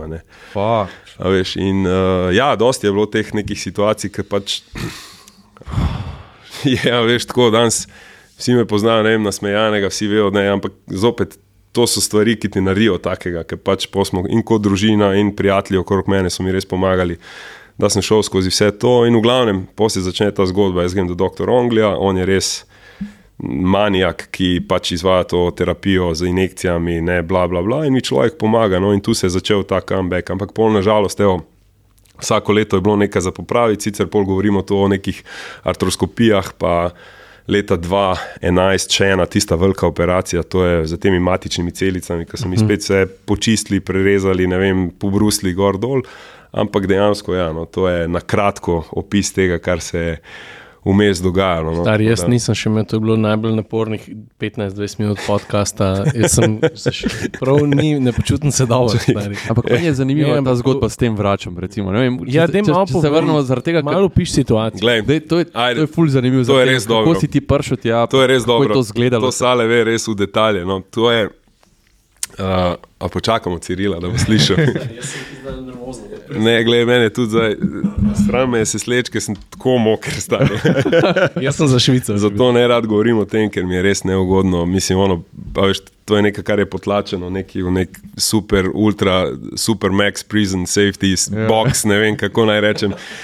In vsakič, ko moramo o tem govoriti, mi ni dobro. Uh, v glavnem, mi gremo v San Diego, uh, uh, oprosti v Karlsbad, tam smo trenirali in jaz se moram v bistvu voziti v Meksiko, v Ensenado, skozi Tijuano do tega gospoda, ne, ja. doktorja. In jaz pridem prvič tja in to je zdaj res iz filma, ono, ne vem, kako bi ti rekel, tisto seno se valija, veš, tu so kokoši, tu je, ne vem, prisežen, gledaj, prisežen. Ta človek bo meni rešil ja, kariero. Ja, prisežen ti, ne. In uh, jaz prihajam noter in v čakalnici sedi ena punca, ki je imela tako kot iz teh uh, X-menov, veš, čist črna, ta mala, pa ima tak full beli šop lasov noter. Prisežem, ja, 12-13 let stara punca. In jaz se sedem tam na kavč, ej, čau, čau, ona tako vidi, da sem jaz v strahu, zdaj veš, kao, ne vem, kaj naj pričakujem. You First time here, ja, v Gordoni se nekako zapletemo zgodbo, no ta mala je bila najbolj uh, nadarjena pianistka v Londonu. In potem je skozi mezinec uh, fasala uh, artritis, ki se je razširil po celem telesu. Fuck. Ja. In niso več vedeli, kaj, doktori sem tja, gor, dol, bla, bla, bla. Z ful premožna družina, ful to, s privat letalom v Meksiko, so jo v bistvu na, na tej leseni zadevi pripeljali, ker je rekla, jaz nisem mogla več nič. In zdaj sem tu že ne vem, tri mesece in doktor Ongli, gledaj me je rešil, zdaj imam zopet se mi vrnil samo mezinec, bolečina, pa ta artritis je zginil, bla, bla, bla. Jaz, ono, wow. Ne. Ja, res wow. In v glavnem jaz prijem prvič noter, veš tako in sedi gospod, niž, tak, nižji, full nizek, širok, veš tako. Se mi smeji, me gleda, nek, ono, what, ne, kao, kaj si ti, daj pokaži, da vidim. Jaz dvignem tisto kratke hlače gor, on me gleda, kao, začne žaliti, prokleta budala, kak si pusto, da ti to naredijo, mora biti do mene. Je tako, Ja. ampak na dober, simpatičen način, tako v smislu, jaz čutim iz njegovih besed, ki me žali, stari, jaz ti bom pomagal. A Veš, uh -huh. pač, imam rešitev za tebe, ampak bi mogel že prej priti k meni, ker ne, ti ne bi rabo, ne bi rabo iti skozi to. No, v glavnem, on si tu našopa noter in bo ta videla, če pogledate na YouTube, si našopa tle noter tako enih 15 takih konjskih injekcij. Jaz gledam zdaj tisto, kaj je. Ne. Pride do mene, spomnim se, da je starejša gospa Rakel se imenovala, medicinska sestra, tako angel pismo, res v tistem momentu, ko si na, na posli angel. In ona tako meni, take disk, vzami te tabletke, jaz, ha, ha, ha. počakamo, ne, ko je frajer vzel tisto injekcijo za piči noter, tako direkt na, na, na, na suho. In je noter, veš, in zdaj on je noter v kolenu in zdaj je rekel, prvo, Išče, išče. išče ja, prvo ti moram razdreti te za rastline, ki so nastale. Veš, in ti kopa po kolenu z injekcijo noter in spušča to in obrača injekcijo noter. Ti se tam držiš, gledaj, Oh. gledaš, Rakel je tisto na tabo. Veš, kot v filmih, ki gledaš, ko ono luč vidiš tam nekje. Ne, stari, ne. prisežem, stari, pa ne pretiravam, res. Sale ve, ker smo pol, pač tudi tle se, se pol to izvajalo. No, v glavnem, meni zabije v eno koleno 12 injekcij, v drugo 12, 13. Jaz imam kolena, da imam šest trojanskih krofov, noter pismo, veš, tisto me dvignejo, gor, jaz ne morem hoditi. a Ne? In zdaj mi reče, zdaj pa idi v bazen, tam je bil en jacuzzi, v hotelu je bil tako enih 800 metrov stran in mene nosijo tja, jaz komaj ne morem stopiti in sem zadet, ne vem, kaj mi je dalo, veš, ono boli me vse. In pravi, zdaj pa začnem delati počepe, oziroma prvo, ko sem stopil dol, rekel počepni dol. Sem rekel, kako naj počepnem dol, ker jaz ne morem, maj range of motion je Ja, dva centa. 2 centa, ne morem, boli me, ne, ne, ne počepni dol moramo razbiti te vzorce, v, v, v. in jaz tako hočem potek, počepni. Frajer pride in me tako dol zabije. Ja, veš, kot ono gimnastičarka, trenerka, ki pride, pa ji pomaga. Veš. In meni, oh, sorry, in meni naenkrat tisto, fuck, neko, uh, vse gre. Veš. In nič, jaz me odnesejo tja do tega uh, džakuzija, bazenčka. In jaz zdaj eno uro v tistem bazenčku delam te počepe, ker vidim, fuck, vse to gre, vse to deluje, ne gordo. Uh -huh. In v glavnem, gledaj. Jaz sem bil mesec dni tam, enkrat na teden sem se vozil dol, prejemal te injekcije, potem sem treniral z njimi, z atleti pač tam na stadionu, počasi začenjajo uh, nekako zopet gojiti to upanje, da to pa bi znalo biti ok, to bi znalo biti dobro. No in pol tisto poletje grem na, v, v Denver na Summer League in tu se potem začne ta zgodba, ki sem jo prej opisal, z Varezejem, ne, tudi oni mi ponudijo. In potem, da bo, da bo zadeva v bistvu tako, zan, mislim, zanimiva, ali pa kaj, kaj se dogaja, ni na ključi. Jaz pridem nazaj domov in pač doktor Rasto Štoku povem za to, pravim, rastel, gledaj, to je nekaj, jaz ne, ti ne morem opisati. On me pa, on me pa poznal od začetka, ker je pač operiral, pa mi je rešil, bom rekel, noge ne, in je vedel, kakšne stanje so kolena in kaj jaz lahko in kaj ne. In je potem sam v bistvu šel v Ameriko, je bil ne vem, šest mesecev, tri mesece tam pri njemu, se je učil za to, kar je. ne. Da je nekaj. Ja, Noro, noro. Da je potem začel izvajati le v Sloveniji isto, in potem nisem rabo vsako leto leteti v Ameriko na to terapijo, ampak sem nekako imel v bistvu servis tudi doma. No, tako da, Škaj, zdaj, zdaj tudi veliko bolj razumem to, uh, da si ti bil v Denverju, na kakšni točki si bil mentalno. ja, veš, da si rekel, Ja. a veš, če ti enemu rečeš, jaz se bi lahko v Denverju ostal, sam sem se odločil, zdaj ka pa to poveš, Ja. ja. pa sploh, ok, I get it. A veš, to, veš. in tu, tu je še ena stvar, pač, ki ni za podcast, ampak dejansko ena neka obljuba ali pa ne vem, tista obljuba samemu sebi, pa, pa memijo je bila, da se bom vrnil igrati, a ne, ne, vem, ne vem na katerem nivoju, ampak in tudi on sam je rekel, gledaj, meni je želja, samo da te še enkrat vidim igrati. a Veš, samo, ne, in in tako se je potem začela ta zgodba. Veš, samo enkrat, da te še vidim na igrišču v eni tekmi in to mi je dovolj. ne. Stari, in ti si potem bil Evropski prvak. Ja, ja, tako da, gledaj, zdaj, ko v bistvu pogledam nazaj, je to kar. Hm, Stari. Noro. Kaj je Ciril? Ne, nač, mene, mene, mene je to res, a veš, jaz tudi, mogoče tudi zato, ker sem tu jaz a, malo a, a, kolenčkar. a viski imamo, a veš. Samo res. Ampak, če že nekdo sploh razlaga o poškodbah kolenah, mene kar boli, jaz začnem že avtomatično švicati, pa, pa si to tako opisal. A Veš, Ne, meni je zanimivo, ker se ti na neki točki uh, obrneš nekim alternativnim variantam. A veš, a veš, koliko moraš biti v glavi, v bistvu že. Uh -huh. pa, težko, pa obupa ni prava beseda, ne? ampak iskati neko pravo rešitev, ki jo ne najdeš mogoče med nekimi. V bistvu, uh, uveljavljenimi veri. Ne? Ma ne, Ja. gled, v mojem primeru ni bilo to, v mojem primeru je bilo to, pripravljen sem narediti Vse. karkoli. Ja, mm. Veš, tisto američani, whatever it takes. Mm -hmm. Dobesedno, gledaj, jaz sem šel na konec sveta.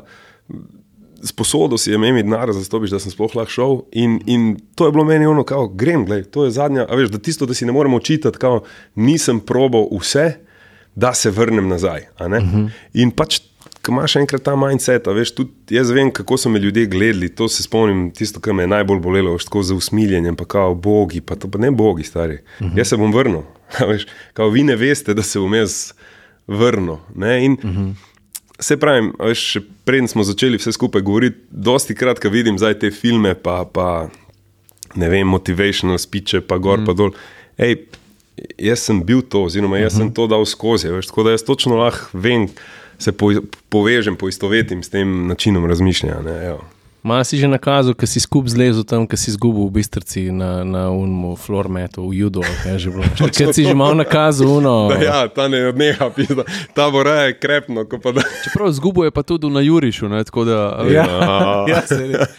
E, ne, a veš, pa se sem te pa hotel vprašati, če si imel kakšno hudo obžalovanje. Ne? In če tega ne bi naredil, bi bilo to največje obžalovanje ja. tvoje kariere. Sploh. Če ne bi rekel, ok, jaz sem za ta ekstremen korak. Ja. Ja. Če se to ne bi zgodilo, vprašanje, kam bi šel, kaj bi bilo s tabo. Ne? Točno to. Pa kakšen, v bistvu, kakšen človek, pa moški bi bil ti danes? Ker to se pa začne, veš, na zaporedje enih stvari se začne dogajati, ker te pol life lahko odpele čist drugo. Čez drugo, čez drugo. Mislim, gledaj, res eh, na ključe ali pa vse, kar se mi je zgodilo v tistem obdobju, ne, je tako. Ej, kot da je nekdo pošiljal ljudi v, v moj life v tistem momentu. Pač uh -huh. Po operaciji, torej prvo noč, ko grem ven z mojim najboljšim frendom Filipom, spoznam Simono, ženo. Veš, uh -huh. Ne vem, potem se zgodi to. Ne vem, agent od Jureta Košira me pošlje v Ensenado v Meksiko, da mi reši kariero. Veš, vem. Potem se pojavi v mojem življenju vem, Miki Starčevič, trener, ki je potem bil z mano deset let, ki je delal z mano individualno, mentalno me pripravljal, pomagal. Veš, mislim, tako. Pa zopet eh, na prvo z Mikijem, tako mi je bilo ono, no go. a Veš, ne. In potem je to preraslo v neko, ne, ne father, son figure, ampak isto. Veš, tako, uh -huh. kot da, kot da sem imel, bom rekel, memija sabo. Ne. V glavnem, Zato pravim, veš, jaz ne verjamem v naključje, verjamem, da se vse zgodi z razlogom. a ne. Uh -huh. In tisto, kar ljudje govorijo, kaj misliš, kaj prikličeš, to se ti zgodi, to je res. a Veš, ne. Ej, uh, da pa malo prešaltati. No. Dajmo Čakaj, malo. ne, No. Jaz, jaz še ne Ja, bi. daj, povej. za- Jaz, jaz, imam- jaz, jaz imam še nekaj, ker, ker me Ne, zanima. ne. A Veš, kaj, mislim, Jaz sem sam preveril telefon. Rad bi, da, Daj, da, daj. da tudi če kdo sliši. Veš, Sani, ti si tudi zaradi tega, ker ti je mogoče manjko to neko obdobje v karieri, uh, ta tekmovalen, to, kar si se po, poberil, pa si se vračal v basketu, mogoče si tudi zaradi tega pol podaljševal svojo kariero. Ne? Ja. pa, pa si na vsak način želel igrati. Tudi te tvoji konci neke kariere so bili zanimivi. No? Vem, vem, da si šel na različne konce sveta. Uh, a te je basket gnal ali kaj te je gnal? Igra me je gnala. Igra ja, igra me je gnala. Veš, men, recimo, jaz danes ne igram basketa, zato ker ne uživam v njem in ne morem tekmovati. Veš, tudi, zdaj govorim zopet, vedno se to si dobro rekel preko trenerjev, govorim isto kot o sebi, govorim to sta Jekyll in Hyde. Veš, eno je ta igra, a ne, ki je meni. Všeč, torej, da se igram, da sem zopet otrok, tisti, ki je na igrišču v slovenski ne. Drugo je pa ta tekmovalnost, ki pač ne znam zgubiti. Mislim, jaz sem res tisto bad loser. In, in za- zaradi tega raje ne igram. Ne. Karkoli, zdaj, če boš rekel ping-pong, ping-pong. a Veš, pač imam zopet anegdoto ne vem, z bratom od žene, igramo ping-pong na morju in frajer je bivši ono. Profesionalec, ni te, tenisač. Veš, in, in jaz zgubim, in jaz se tri dni ne pogovarjam z njim na morju. Veš, zato, ker je trikrat, ne vem, v mrežico, dovo piko, ne, ali pa ne vem, na, na, na to, pa si mislim, pa da je model, veš, kao, evo, to sem jaz. Ampak vse to so normalni vzorci. To je, Ja, to ampak, je a Luka veš- Dončić, to je Dražen Petrovič. Točno so, to, veš, ne vem, karte, monopoli. Mi doma nismo končali eno igro, človek ne jezi se. Ni dokončana, ni zapisano, veš, da so Bečiroviči dokončali en človek ne jezi se, ker to je. Kockice, ovo, ono. In, in to je del mene, veš, pač to zmagovanje, ampak hkrati pa igra. Ne. Jaz, ko po- pogledam košarko, to je najlepši šport na svetu, to ne more nič priti blizu, zato ker je toliko ene lepote, izražanja, baleta, uh -huh. atletike, ne vem, IQ-ja. veš, Jaz na to tako gledam, veš, kot neko poezijo, ne ono simfonijo. Evo, zakaj je bila simfonija? Zato, ker je to nek motion, ki se dogaja, veš, uh, res tako baletno. No? In uh, ja, sam si rekel, zakaj me je to gnalo. Pač Iran je bil, je bilo čisto na ključe. Veš, Iran je bila, bom rekel, neka zajbancija. Jaz sem obiskal Memija, ki je bil takrat selektor iranske reprezentance v Istanbulu. Zraven je bil predsednik enega kluba, pa še predsednik, eh, trener enega drugega kluba. Ne? In oni so meni za eno večerjo, pač, ej, a si ti kdaj razmišljal, da bi prišel igrati v Iran? ne? Nikoli. Nikoli, valjda. Ja. Ja. In jaz ono, kar tak sem, pač, da zdaj ne užalim nobenega, nikoli ne pravim, ej, a igrate na dva koša ali na tri. Veš, kao, ker če igrate na tri, pol ne, če pa je na dva, pol pa ja. Ne, veš. in valjda, mem je tu, tam je bil res ono bog, zapisan pri njih vrhunsko in jaz pravim, ja, zakaj pa ne. ne? In če sedem dni meni, meni kliče, hej, ne boš verjel, kaj. Ponudbo ti bojo poslali, kako ponudbo, o čem govoriš, kje je kaj. Ja, da priješ igrati v Iran. Ne. Pa spomnim, stari, jaz sem to rekel, veš, ono, iz vljudnosti. Ne, Ja, ja. In zdaj on meni, ej, kaj naj jim rečem. Pa rekel, ne vem, pač reči karkoli hočeš. Veš, ko, ok, ne skrbi mesto. veš. In eto ti čez, ne vem, 14 dni, mene spet ne mi kliče, ono, kao, ej, imam ponudbo, si pripravljen. Ja. In bam, in jaz sem zabavaš. Nič, pridem jaz dol, a veš, pridem dol in zdaj res drug svet, a ne tudi druga košarka, drugo dojemanje košarke gor dol. In jaz zdaj na trening igram tisti tryout, kao period, imamo tam valjda, bom rekel, na rekovajih. Valjda dominiraš, ne, to je čisto drugo. Neko, ne. Oni so bili tisto, da ta res eh, gor dol. In pol, pol sem pač ostal dol um, in smo v tem klubu, pač Petrošimi, oni so v 20 letih za vsemi res so bila velika imena tam, niso uspeli osvojiti prvenstvo, mi smo tisto leto po 20 letih osvojili prvenstvo. Ne. Tako da zgodbe iz Irana, pa ti najboljše veš, meni je to država, ki je res tako v takratnem času, zdaj vem, da je drugače. Uh -huh. uh, je bila storjena največja krivica ravno s tem uh, ameriškim medijskim predstavljanjem, da so oni, ne vem, divjaki, da je tam, uh, bom rekel, kaos, Ja. da je nevarno. To, to je čista laž. a Veš, Mislim, kasneje se mi je pridružil tam Jasmin Hukičevo in Marko Milič. In če vprašate naš tri, to so najbolj prijazni, najbolj izobraženi, najbolj mirni ljudje in res neka zibelka civilizacije, jo začutiš tam. Ne, veš. in zopet ena anekdota, mi smo na kosilu, zdaj, a veš, jaz, Memi, Milko, Huka, tale Francisco Elson, uh, Fajardo, en španec, pa še nekdo je bil zraven, en srb, ne morem se spomniti njegovega imena. In zdaj Memi ima rojstni dan in mi se zdaj bavamo, veš, uh, deremo, vem. Zdaj vsi, ki poznajo Marka Miliča, vedo, da je to zelo glasna oseba. Ha, ha, ha, ihu, ki pa skozi čipa, pa zvija, pa sem pa tjane. In zdaj mi smo se tu sprostili in pač res je veselo. ne. Ja. In v enem momentu tako pride lastnik restauracije in tako pravi, gospod Kovč, kot njega oni Kovč kličejo tam. Ne. Kao, jaz bi vas prosil, veš, če se lahko greste kregat ven, ker se ostali gosti pritožujejo. Ne? Ja, in on tako, "Ej, se ne kregamo, veš, kao, ne, sam ste full glasni, full ste agresivni, pa on pravi, "Ej, mi se veselimo. Veš, jaz zdaj tiho govorim, ker Ja. ja. oni vsi Ja, ja, tako ja. ja. govorijo, veš, kao, Ja. ti greš tja na čaj in on je tako, hello, how are you, are you okay? Veš, ono, še petati skosne. Ja, ja. Mi pa, divjaki. V glavnem, res Iran je bila za mene fenomenalna izkušnja. Razen v bistvu del, kjer smo živeli, ker smo živeli v sred ničesar in middle of nowhere, tako res ono nula od nule. To je bila neka naftna družba, Ja. ki je- v bistvu oni so igrali za, za zaposlene v tej naftni Tako, družbi. ne. tako mi smo bili. Cirque de Soleil, a veš, za Ja, ja, zaposlene. ja. Ja. In v glavnem, mi smo živeli z delavci, v, v, uh, v bistvu to je bilo zgrajeno 1965, ne vem, za Japonce, ki so prišli postaviti tovarno in jih naučiti, in tu so ti njihovi inženirji pa to živeli. Kot nek delavski dom. Kot delovski dom, ja, točno tako je. Ja. Mi smo ga imenovali diaški dom, ne, a veš, Ja. kao, jaz pa huka. In ti bi šel v menzo in s tistim pladnjem, tu je bil delavec, pisa, ki se je mal čul, a ne ti bi pa ti šel tisti pladen z njim in pjas, a veš, ko. A daj ne. Ja, ja, res, res. Ampak res. še zmeraj najboljše je. Ne, ne, gled, najboljše, igrali smo poker, evo, recimo, veš, tam, ok, uh, Islamic Republic of Iran, ni kockanje, ni tega. Igramo poker z, z maški od vode, veš, torej vse, kar pijemo, ščuvamo za maške, da priješ pol z žetončki za maški. Ne. In zdaj jaz pa huka, ne bi bila jaz pa huka, če ne bi veš, huka me v žepu žetončke, da me zalaga zraven, pa sproti pije, sproti pije vodo, pa mi kar meče. Veš, A take fore, ne? ni bilo interneta, torej kaj češ, gledaš eh, neke serije, knjige. Mislim, čist. Totalno drugačen lifestyle, ni bilo veš, odrezan od eh, kapitalizma, od materializma, totalno in zopet dobiš eno širšo sliko življenja. Ja, ja, tako si širiš obzorja. Samo to je fajn tudi, ker pol to lahko naprej prenašaš. Ne? Veš, kaj meni recimo fajn, ko grem po svetu, pa vidim, pa se mi zdi, da, da seveda to meni ogromno da pa tebi, ampak stari ti imaš otroke. Ne? Ja. Ti Lahko poveš, Ja, kako mislim, je pa kje kako- druge. ja. Jaz se spomnim, ker sem bil jaz otrok, moja mati je živela 11 let v Švici. Ja. Veš, pa že takrat ti bo eno pogled v čist drugo kulturo, Ja, ja, način ja. ja. življenja. Ne? In to ti je ogromen tebi, da pa vsem tistim, ki jih ti pol izobražuješ naprej. Zaradi tega bi jaz dal še zadnji evro dal za, za potovanja, za družinska potovanja. Res, ker to mm -hmm. mi pa to pomeni, ko otrokom odpreš oči pa jim pokažeš malo izven teh. Jaz mislim, da je to največja vrednost danes, da, da res lahko ponudiš recimo, otroku pogled. Ker eno je, veš, kaj jaz govorim o tem, uh -huh. drugo je, ko on sam vidi, dojame. Ja, ja, Tako da Točno to. to je to.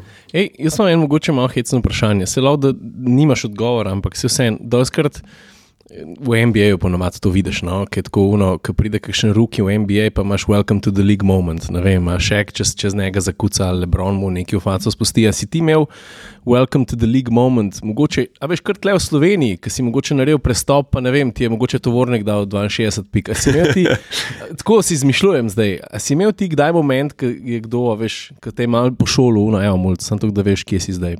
Mislim, tako direktno, kot zdaj ti opisuješ, ne. Veš, sem, pa imel, bom, sem pa imel, recimo, learning process, ravno ki si ga omenil, Matjaža Tovornika, Digla. Ne, Ja. Je ena boljših zgodb uh, v Laškem. A veš, jaz prijem tja 16 let star, zdaj sem. Valjda, tisto mislim si vedno za sebe, da sem dober, ampak ne. Ja. In mene zdaj Digel pokliče, pravi, sani, veš, mene zdaj ful ono, pritiskajo, skozi je overplay na meni, jaz, ki prijem iz bloka, mene more žoga tam čakati, veš, gor dol, vse kot Digel ne skrbi, vse razumem. Gor, dol. in zdaj imamo ta, bom rekel, tu down, diamond, a ne postavitev, ker on izbira, na katero stran bo šel. In valjda on začne sprintati v eno stran, da dobi žogo, jaz med tem med nogami za hrbtom, rolling, gre- In zdaj on pride ven in jaz mu podam. ne. Ja. Valjda sem zamudil dve sekundi s podajo, ne? timing ja. nula. Ne? Veš, zdaj, ne?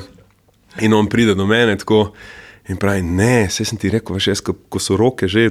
Tako, ko bo že videl, žoga že mora leteti, mora že biti tam, da jaz, Ja. ja. ko pridem, a veš, je to. Zadane Apex. Ja. Ne, točno, ja, Apex, ja, jaz.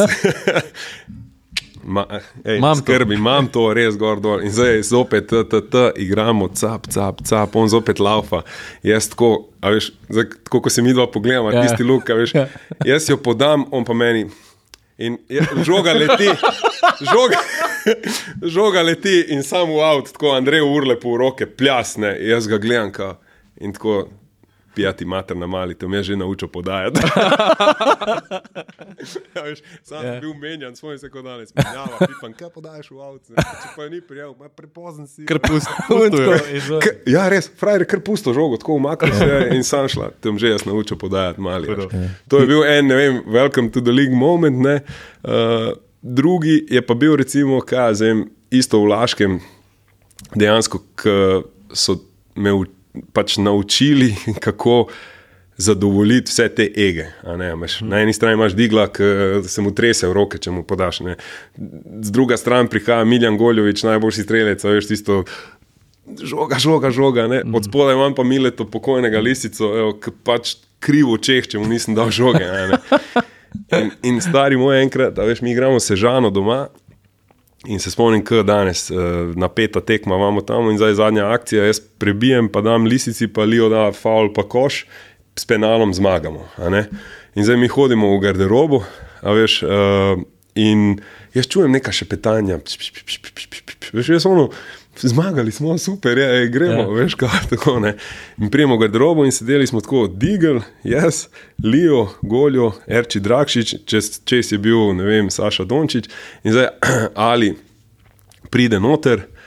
Uh, in on je zgledal na čud, da je neko bilo nezadovoljstvo, jaz tega nisem vedel, veš, kao, in zdaj ali tako, ajde, ne bomo nič govorili, rešili smo se, dajmo roke, v, v, v, v. in zdaj so ono, nič sluteč, se stanemo, veš, kao, dam roke, ne, sam naenkrat se Lijo obrne proti meni, kao, a ti mali, pa me zgrabi tako, pa me dvigne gor, veš, in zdaj, vsi skočijo, ne, v tistem momentu, kao, donke, jerči, to, kao, pšte, in on zdaj drži se, ti mali, Ako mi jo še eno ne dodaš, kao, kad ti kažem, kad ti jo tražim, o, in me zdaj drži tako, veš, ono, kri, popokane žilice, a ne kao. Ako mi ne dodaš, a, a, jaz ono se tresem, stari moj, ne veš, ubičuj tebe in ovo, veš, ono, hardcore, ne. Ja. In zdaj on mene tako spusti dol, je, ali ajde, ajde, Lijo, smiri se, kao sve, ok, imamo tam, jaz se sedem dol, veš, v tistem momentu. In tako on se sede zraven mene, jaz se vstanem, zdaj, jaz si završil, kao. Ja. In se obrnem po garderobi, to je bil moj welcome to the league moment, veš, in se obrnem proti garderobi, zdaj pa mi je dost, kao, 16 let sem star. Ja. Zdaj, ti išče žogo, ti išče žogo, ti išče žogo, nimam pet žog na plevu, kao, kaj vi hočete od mene. Sem rekel, še enkrat mi nekdo zagrozi, enkrat me še takne nekdo. Ma cela moja družina bo prišla tu, vas bo zravnala, vse ti je jasno. A veš, tako, O ne. ti je jasno, Lijo, ti je jasno. In tako v tistem momentu, ko on mene gleda, sem rekel, ne zabam se. Če ima mater sema, veš, kot Ja. 16 let otrok, pisa. Ja. In zdaj grem tako izven garderobe, zelo putnem vrata, kao si mislim, ej, dobro je, veš, kao, to, pridem do fizioterapeuta, se vsedem. Ker da enkrat Res šok, A res? Kaj, kaj sem naredil, zdaj me bo ubil. Od takrat sem imel respekt, Lijo me je branil tisto do smrti, tovornik isto digl, sta bila moja ona dva bodyguarda, res to je bilo, evo, to je bil moj tisti moment, veš, ko sem se postavil. meni- Kaj bi dal, da bi videl unefate? Ne, res, res, prisežem, stari. Ampak jaz prijem Mišo Ranželovič, naš fizioterapeut, prijem do njega, ajde, mali, kaj si v redu? Ja, ja, v redu sem, uh, se vse. Gotovo. Kaj se ti v avtu nekaj zgodi, pa se ti odrežejo noge. Ja. Kam live. Ej, the best. Tako da, evo, to E, je. čakaj, avto imaš prvi, ali kaj? Ne, ne, ne. To pa res ne, stari. Sam elektrika.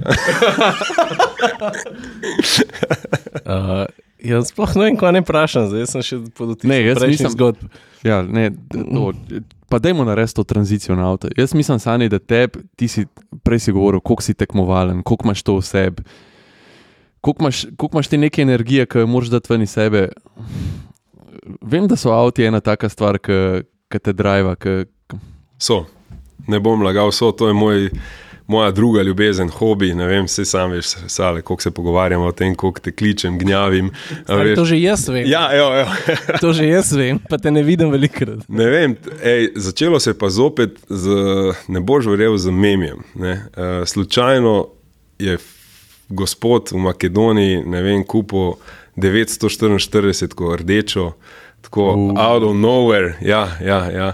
In jaz sem bil takrat star 15 let in kao, valjda, ko bomo 18 let star, mi boš to dal zapeljati, valjda, nismo dočakali tega momenta, ne, ker se je že vmes prodal avto. Ja. Ampak takrat je nekaj se v meni spremenilo. Prej sploh nisem bil, pač imeli smo dobre, slabe avto, ni važno, veš, ono, Ja. ja. ne. Ampak nikoli nisem doživljal avto kot nekaj, do tistega momenta, ko on ni pač kupil ta avto In se spomnim, kot danes, posebno veš tisto avto, fotomarket v Italiji, veš tisti debeli, ki so oglasi, mm -hmm. pa Ja, ja. gledaš, pa gledaš, pa posebno, ne vem, si želel Dodža, pa Mitsubishi 3000, tisto, Ja, ja. yeah. vse to, oh, to bo imel, ko bomo snaj star, to bo imel. In dejansko tu se je nekako začela ta ljubezen, ki meni res ni na avte. Jaz pa sem nor na avto. Meni je to, veš, tisto, ne vem. Pa ne zdaj, a veš, ljudje mislijo, da nekdo se postavlja z avti. pa ne vem. Uh -huh. Evo, sale ve pa ti tudi. Jaz uh -huh. dejansko vem pač res dosti. In In, hoče voziti. in me zanima, on je jaz ga rekel, hočem voziti, ja, jaz uh -huh. hočem ono, da gremo harta, veš, da vidimo, kje so limiti. Pokaži mi, kje so limiti, pa da jaz uh -huh. probam potem ne, uh -huh. priti do tega. Tako da, evo, to je neka res tista ljubezen, pa ta adrenalin, ki je Sale rekel, da, da moram dati dve ni sebe, sicer zajde oče dveh otrok, bolj odgovoren, bolj to, ampak še vedno, uh, če se le da, ko se da v zaprtih ali pa ne, bi nekako, uh, mi je to še vedno tisti feeling, wow. A ni hecen, kako, je lahko, uh, kako lahko eno tako spremembo naredi ena točka v lifeu. a veš? Rdeč, Že ene točke, ja, razumem, neki športni avto, pa to. Opa. Opa. Evo, za srečo. Jaz sem razburjen, rato, ne se vse. Ampak hočem reči, pa se pa zgodi en moment. Pa to v tebi naredi klik, od takrat naprej pa opaziš tudi detajle. Pa začneš na ulici tudi opažati stvari, ki jih mogoče prej nisi. pa To. to so te momenti v lifeu, stari. Mm. Kaj, a imaš najljubši avto, ali pa a si, a si kdaj imel najljubši avto, kva si želiš, ali kva? Pa mislim, najljubši avto. Ne, ne vem, veš, jaz sem kot otrok v trgovini z igračami. Veš, v tistem uh -huh. momentu, ko začutim, kar hočem, s- ne vem, nekako si želim to potrebo izpolniti. a ne. Pač, uh, imel sem jih ogromno, uh, res dosti avto, najboljši, ne vem, Ej, kaj, kaj bo pa ta prvi res hud avto, ki si si ga C, C70 T5R. A resno? Ja, ja, to je bil moj prvi avto. Ja. To je bil moj dream car takrat, tako, ono, by far. Uh -huh. uh, in pol je prišel M3, uh -huh. uh, M3, -a, zamisli zdaj to, v bistvu stojim na semaforju in do, zma, do mene se pripelje M3 uh -huh. in kao valjda tisto, imamo to. a ne. Po gasu zraven mene je bila sestra. In pičemo in tekmujemo tam, a veš tam v Mariboru na izhodu, vem, kaj je pač tisti ribnik zraven, eh, uh -huh. na koncu, ki je uh -huh. industrijska cona, Ja, dejstvo, levo. ja, Ja, ja. In- Ne, gremo proti bistrci nazaj. a Veš, aha. in zdaj mi dva tekmujemo, stari moj, in njega začne zanašati. Mm. In ga, ja, in ga vrn, vrže na ograjo. A ja, je bil kraj. Ja, ja, kreš je bil, čisti kreš, imam sanela, bila zraven. Tako. In v tistem momentu sem rekel, hej, nikoli ne bom kupil M3. Uh -huh. Ok, to mine pol dve leti, grem v Bolonijo, hočem M3 na vsako, vsako ceno, grem na testno vožnjo, veš, pa memi zraven mene, veš, kao, gledaj, zdaj bom dal CA noter, bom vzel Ema, vamo tamo, ok, ok, in me na testni vožnji obrne. Pravi, mi, ne boš tega to je. In do dan danes pa sem imel vse M5, ampak Ja. ja. M3 še nisem imel. Ker, ker M5 te ne obrne. Ja, ker M5 ne, no, M5 me je tudi, uh, sem tudi imel uh, srečo, več sreče kot pameti. Ja. Ja. Da, glej, dejansko ne vem, če bi mogel za en avto izbrati, mogoče to bila Porsche Panamera, uh -huh. uh, da, da je nekako. Uh -huh. Ajde, bom rekel, zadovoljila v tistem momentu vse moje potrebe. Torej, da je prostorno, familija, uh, ne vem, dober avto, hiter avto, pa še vedno. Sport turizmu ali Ja, sport turizma je bila želja, ampak se on ve. Ampak ne, navadna, navadna pa pol sem imel v bistvu še GTS, ampak eh, za zelo kratek čas. a ne. Ja. Um, avto, ki me pa najbolj bom rekel, razočaral v tistem momentu, pa ne boš verjel, je pa 997 Turbo. A res? Ja. Zakaj? Za turbo legom. Ja, ja. Tako, mm. veš, ni tisti pravi Poršak. To je mo, v mojih očeh, sorry, Porsche. a veš, uh, avto, ki mi je naj. In sem ga po enem mesecu v bistvu je, je šel. A ti jaz imam moj način razmišljanja, kar se teh Porschejev tiče. Jaz tako, te turboti, respekt, to so spešatli. Ja. To tako gre, stari. Mm. To je toliko gripa. Uh -huh. Ampak jaz, ki pohodim gas, slišim. Ja, ni Če se tisto. usedeš, pa a veš, ne vem, ali RS ali pa pustimo, ja. Ja. kaj drugega, mogoče še manjši, ampak še atmosferc, pa ki se tisti motor zadere. Ja, gre drugo. vrtam. To je čist drug feeling in meni to recimo manjka. Tako maksimalen respekt do turbata. No? Turbak je odličen dvoličnež. Ne? Ja, A seveda, veš, in, seveda. in tistim, ki to paše, ne, Ja. ja. pa tudi daily driver je lahko konc koncev. ne. Jaz se spomnim, jaz sem šel s stanovim, sem šel v Maribor, ja. pa sem imel porabo spomnim, ja. pod 10, se mi Ja, ja. da sem imel porabo. Ko sem se lih testiral, sem se a veš, kako zgleda tak avto za vsak dan. Razen, ko smo lončala. Ja, dobro.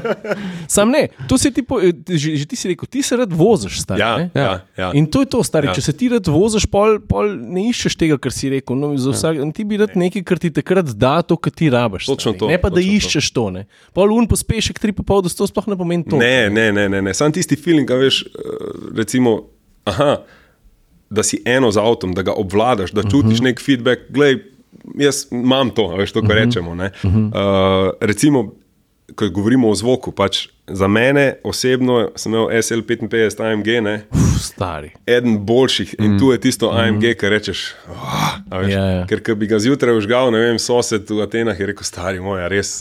A veš, kao, ali pa če bi prišel pozno domov, a, res, Ja, ja, ja. a ga lahko parkiraš, ne vem, niže dol. Tako da vsak avto ti da nekaj, ne, tisto. In zdaj, zdaj je samo odvisno, v kateri fazi življenja si, pa kaj iščeš. Ja. evo. A pa Maserati si imel? Ne, Maseratija nisem nikoli. Ne bi, po moje, zvok. Ja, Stari. ja, ja. To sem bil zelo blizu s tabo, evo, tisto To se spomnim, nakup. si, ja, da si imel ja. nesi ga neki oči. Ja, pa ja. ja. Ja, ja. To so te avto, stari. Ampak, veš kaj prej dobro, ker si v M3 razlagal, ne, kaj, na kaj sem se spomnil. Um, uh, ker sem igral ne parkrat basket z Samotom Udrihom, Ja. Goršem ja. Petru. In jaz, ki sem šel pod koš, in če bi on spodaj, sem itek sem zajebal, in jebeni polaganje, no se je vedno zadr- zadrl za mano. Strah je prasica! Ja, res je. Jadni. Res je, res je. In to je ja, bilo vedno. to Če, je- ali je bilo Mouse in the House, Ja. ja. sem kam je naguzil, Ja. ja. ali pa strah je prasica. Ja. Ja. To je pa avto tudi tako. En avto te zaznamuje, Ja. ja. stari pa se ne boš nikoli dobro, a veš, nikoli te ne bo čist Ne, tak ve, feeling, kot vedno ga imaš tle od zadaj, veš, kao, kaj se lahko zgodi. a Veš, in, in pač meni je pri tem M3 res ostalo tisto, ej, mene je obrnilo, človeka je imel res nesrečo, tako orang nesrečo pred mano. Mm. In je vedno ta respekt do, mm. do, do njega. ne. Zato je pa Sanju zdaj všeč M3X Drive. Tako, ja. Turing. Ja, ja. Uh, ja. Ja, Zdaj ja, pride. Oh, ja, Ja, ja, ja. ja, res. Oh, the best. V glavnem, to je Ej, to. Ja. Ful dobro. Uh, ne vem. Ne, vem, jaz, Jaz hotel sem ga vprašati še zadnje atmosfersko vprašanje, ampak mislim, da si odgovoril na. Ajde. Ja, kje je bil tvoj prvi avto? A Ja, ja, ja, to je bil, res to je pa bila ono ljubezen na prvi pogled, a veš, tiste linije, malo, ajmo reči, pa še zelen je bil tisto Aston Martin, kava varianta, zdaj bom jaz nekaj skopiral. In uh, avto, ki mi je verjetno res. Tako najbolj ostal pri srcu, sicer tisti prednji pogon, pa ker dvigne ga, pa Ja. yeah. turbo, to, ko govoriš, glisira. glisira ne, ni, ni glih handle, uh, lut, ampak ja, nekako mi je ta avto mi je ostal. Uh, Čakaj, to si ga v Italiji kupil? pa si Ne, to sem ga, to sem, Tukaj? v bistvu so mi ga za moj rojstni dan uh, naredili presenečenje. Pač oni so vedeli, da si jaz ta avto želim, oziroma da si ga kupil.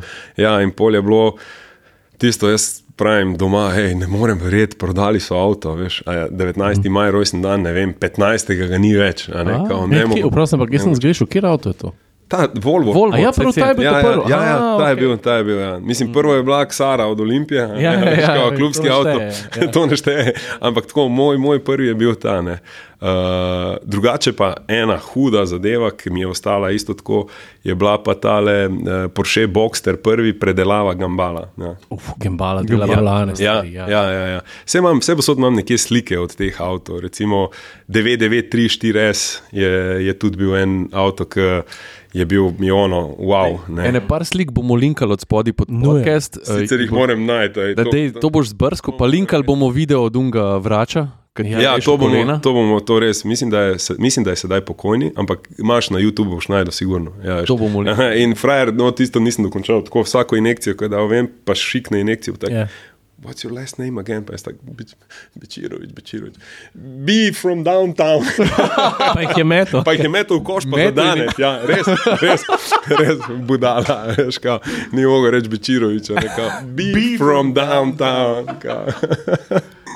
V glavnem, evo.